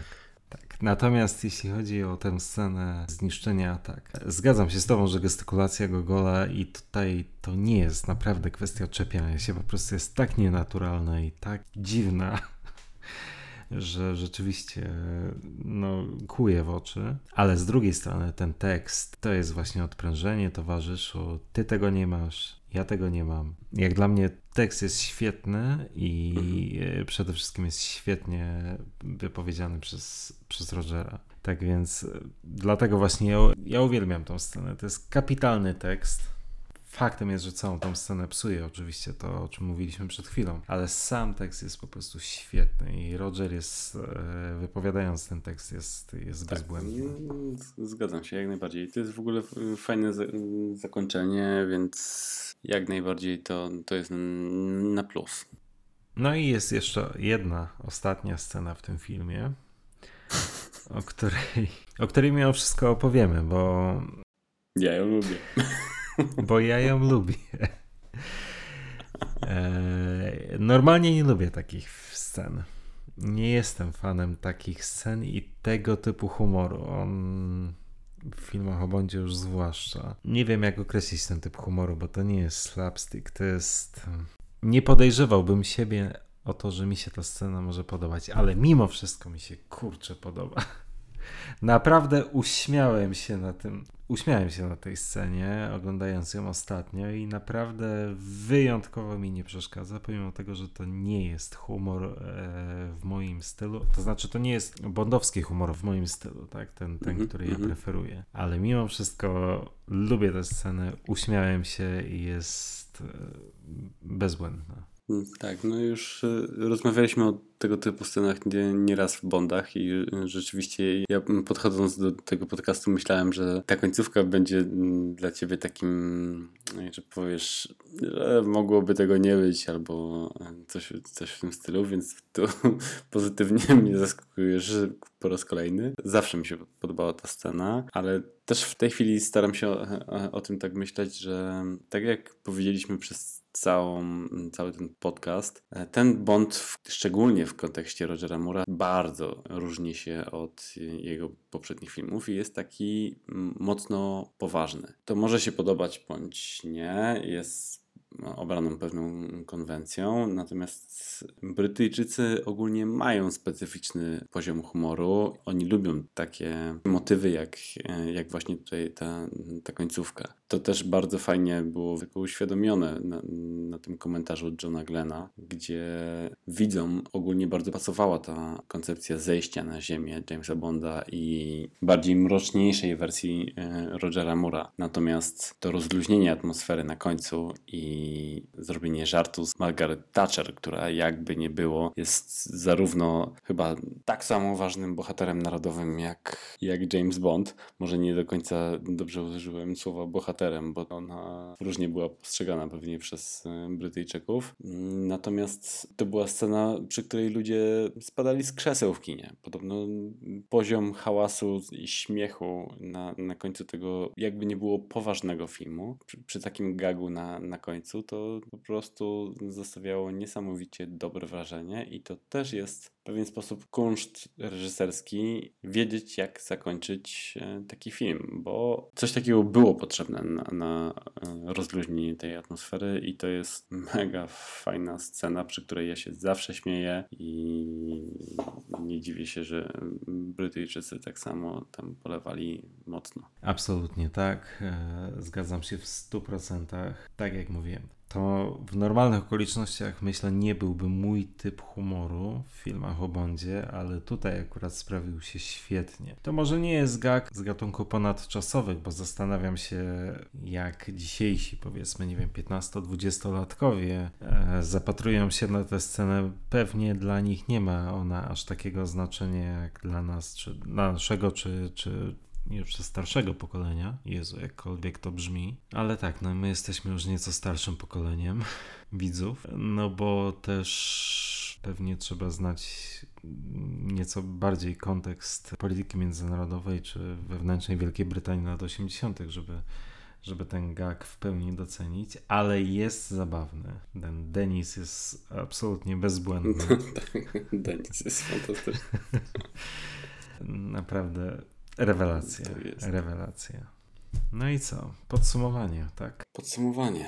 Więc przede wszystkim w kontekście Rogera Moore'a to jest chyba jedyny film, w którym jest tak dużo Fleminga. I to jest zdecydowanie na plus. Przede wszystkim fajna fabuła, bardzo solidnie poprowadzona historia, w której tak naprawdę bardzo ciężko się doszukać jakiegokolwiek błędu. To jest bardzo dobrze zrobiony film, trochę poważny, jak na, jak na postać Mura. E, miejscami dla mnie, tak jak powiedziałem, nie pasujący trochę do konwencji Bonda, już abstrahując od tego, że Moore jest kojarzony ze śmiesznostkami, natomiast tutaj to jest chyba jeden z na, naprawdę nielicznych filmów z serii o Bondzie, kiedy jestem w stanie powiedzieć, że widzę takie mocne zalążki tego kina klasy B i takiego, takiego trochę 80 kiczu. To nie jest ten 80 klimat późniejszych filmów, czy przede wszystkim z y, Zabójczego Widoku. To jest taki ocierający się w niektórych scenach o tandetę dla mnie czego nie widziałem wcześniej i nie widziałem później. Mm, no i to, to są takie mm, niuanse, e, sekundy po prostu w tym, w tym filmie, o których opowiadałem, czy to zbliżenie na oczy, czy, czy ta impreza na basenie u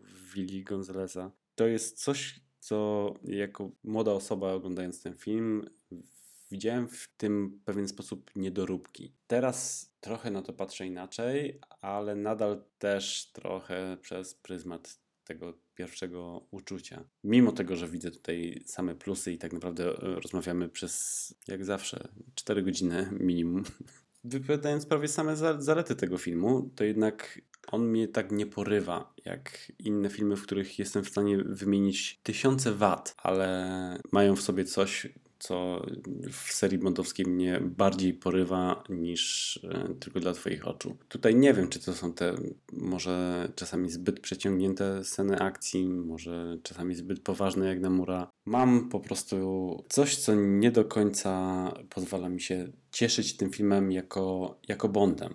Natomiast doceniam lubię. Liczę się z tym, że w gronie fanów Bonda i fanów serii bondowskiej ten film jest wymieniany zazwyczaj w ścisłej czołówce. Natomiast u mnie zawsze jak, za młodo był umiejscowiony gdzieś tam z tyłu. Teraz trochę podskoczył na pewno. Natomiast jeżeli ktoś by mnie zapytał, za co kochasz serię Bonda i pokaż mi film, za który pokocham serię e, bondowską, to na pewno bym nie pokazał tego filmu. Marcin? Ja nie zamierzam z tobą, Przemku, polemizować w tym momencie, ponieważ e, ze wszystkim nie, nie, zgadzam się ze wszystkim, e, o czym powiedziałeś w podsumowaniu. Natomiast e, rozumiem, że wszystko, o czym mówiłeś, sprowadza się w kontekście tylko dla Twoich oczu, nie do jakości filmu, której wiele nie można zarzucić. To są, to są detale, to są e, pierdoły, umówmy się. E, tak więc to nie film jest problemem, tylko konfrontacja filmu z naszymi oczekiwaniami. Mamy różne oczekiwania, ok, Dlatego ja absolutnie rozumiem, do czego zmierzasz i, i, rozumiem Ciebie, natomiast ja akurat zupełnie inaczej postrzegam ten film. To znaczy, on akurat, bo myślę, że sam film jako jakość e, sztuki filmowej oceniamy bardzo podobnie, tylko on się zdecydowanie lepiej wpisuje w moje oczekiwania jeśli chodzi o film o agencie 007 i stąd właśnie nasza różnica zdań.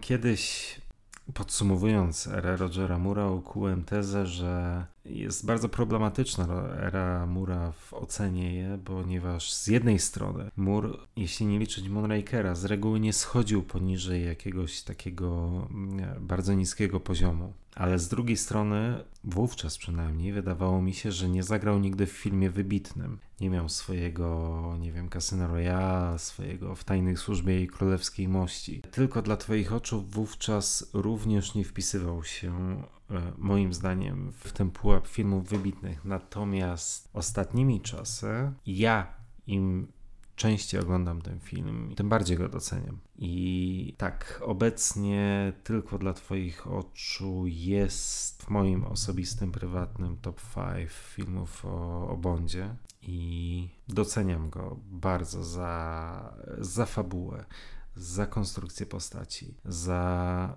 tempo, które jest owszem w kilku scenach zaburzone, ale mimo wszystko konstrukcja technicznie film jest bezbłędny, muzyka, zdjęcia, jest cała masa rzeczy, za których ten film należy docenić, ale przede wszystkim bardzo doceniam ten film za, za to, czym jest, jaki próbuje być, jak próbuje się odciąć od, od tej przesady, za którą ja akurat nie przepadam. No, dla mnie naprawdę jedna z najlepszych części serii. Natomiast, tak jak mówiłem wcześniej, nie będę z Tobą polemizował tym razem, ponieważ tym razem, e, ponieważ rozumiem, że no, znaczy, oceniamy ten film bardzo podobnie, tylko Mhm. nasze oczekiwania są nieco odmienne i, i tym się różnimy.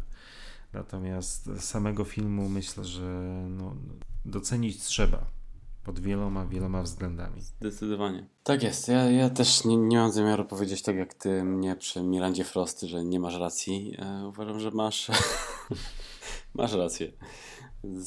Zdecydowanie i ja, ja rozumiem, dlaczego ten film jest e, tak bardzo lubiany. Nawet ciężko mi wysuwać ar- argumenty, dlaczego ja nie do końca za, za nim przepadam. Natomiast cieszę się, że nie wybijesz mi tego z, z głowy. Tym razem. Tym razem ci odpuszczę. Poczekajmy do Moonrakera, do podcastu Tak. Moonrakerze. Wtedy myślę, że jakieś noże trzeba będzie naostrzyć. Ja myślę, że będę musiał się jakoś em, o wiele bardziej przygotować niż zawsze do tego podcastu i to zdecydowanie o wiele bardziej niż do Skyfall, który był naszym pierwszym podcastem i na którym do tej pory czuję niedosyt, więc przed Mo- Moonrakerem tutaj bój się. Mm, No dobra, przyjmuję wyzwanie, ale skoro o tym mowa, okej, czas nieco zmienić formułę podcastu. Nie będziemy już teraz omawiali filmów w mniej więcej chronologicznej kolejności, tylko pozostawimy słuchaczom wybór, który film będziemy omawiali w następnym, następnym odcinku. Głosować na nasze typy będzie można na grupie na Facebooku jamesbondteam.pl, na którą bardzo serdecznie zapraszamy. Tylko teraz musimy wybrać kandydatów. Co typujesz do następnego odcinka? Co prawda rozmawialiśmy o tym już wcześniej, ale powiem szczerze, że kompletnie się na to nie, nie przygotowałem. Zapomniałem o tym mm, temacie. No dobra, to ja na pewno pójdę w Shona Connorego. Chyba pójdę w mojego najlepszego Bonda, Dr. No. Mhm. A ja mam bardzo duży dylemat. Ale tym razem jeszcze mimo wszystko pozostanę przy Piersie Prostanie i Świat to za mało, bo naprawdę chcę porozmawiać o tym filmie. Okej, challenge accepted. Challenge accepted. Dobrze. A tymczasem bardzo serdecznie dziękujemy za dzisiejsze spotkanie i James Bond Team.pl powróci Tak jest, do w usłyszenia. kolejnym podcaście. Do usłyszenia.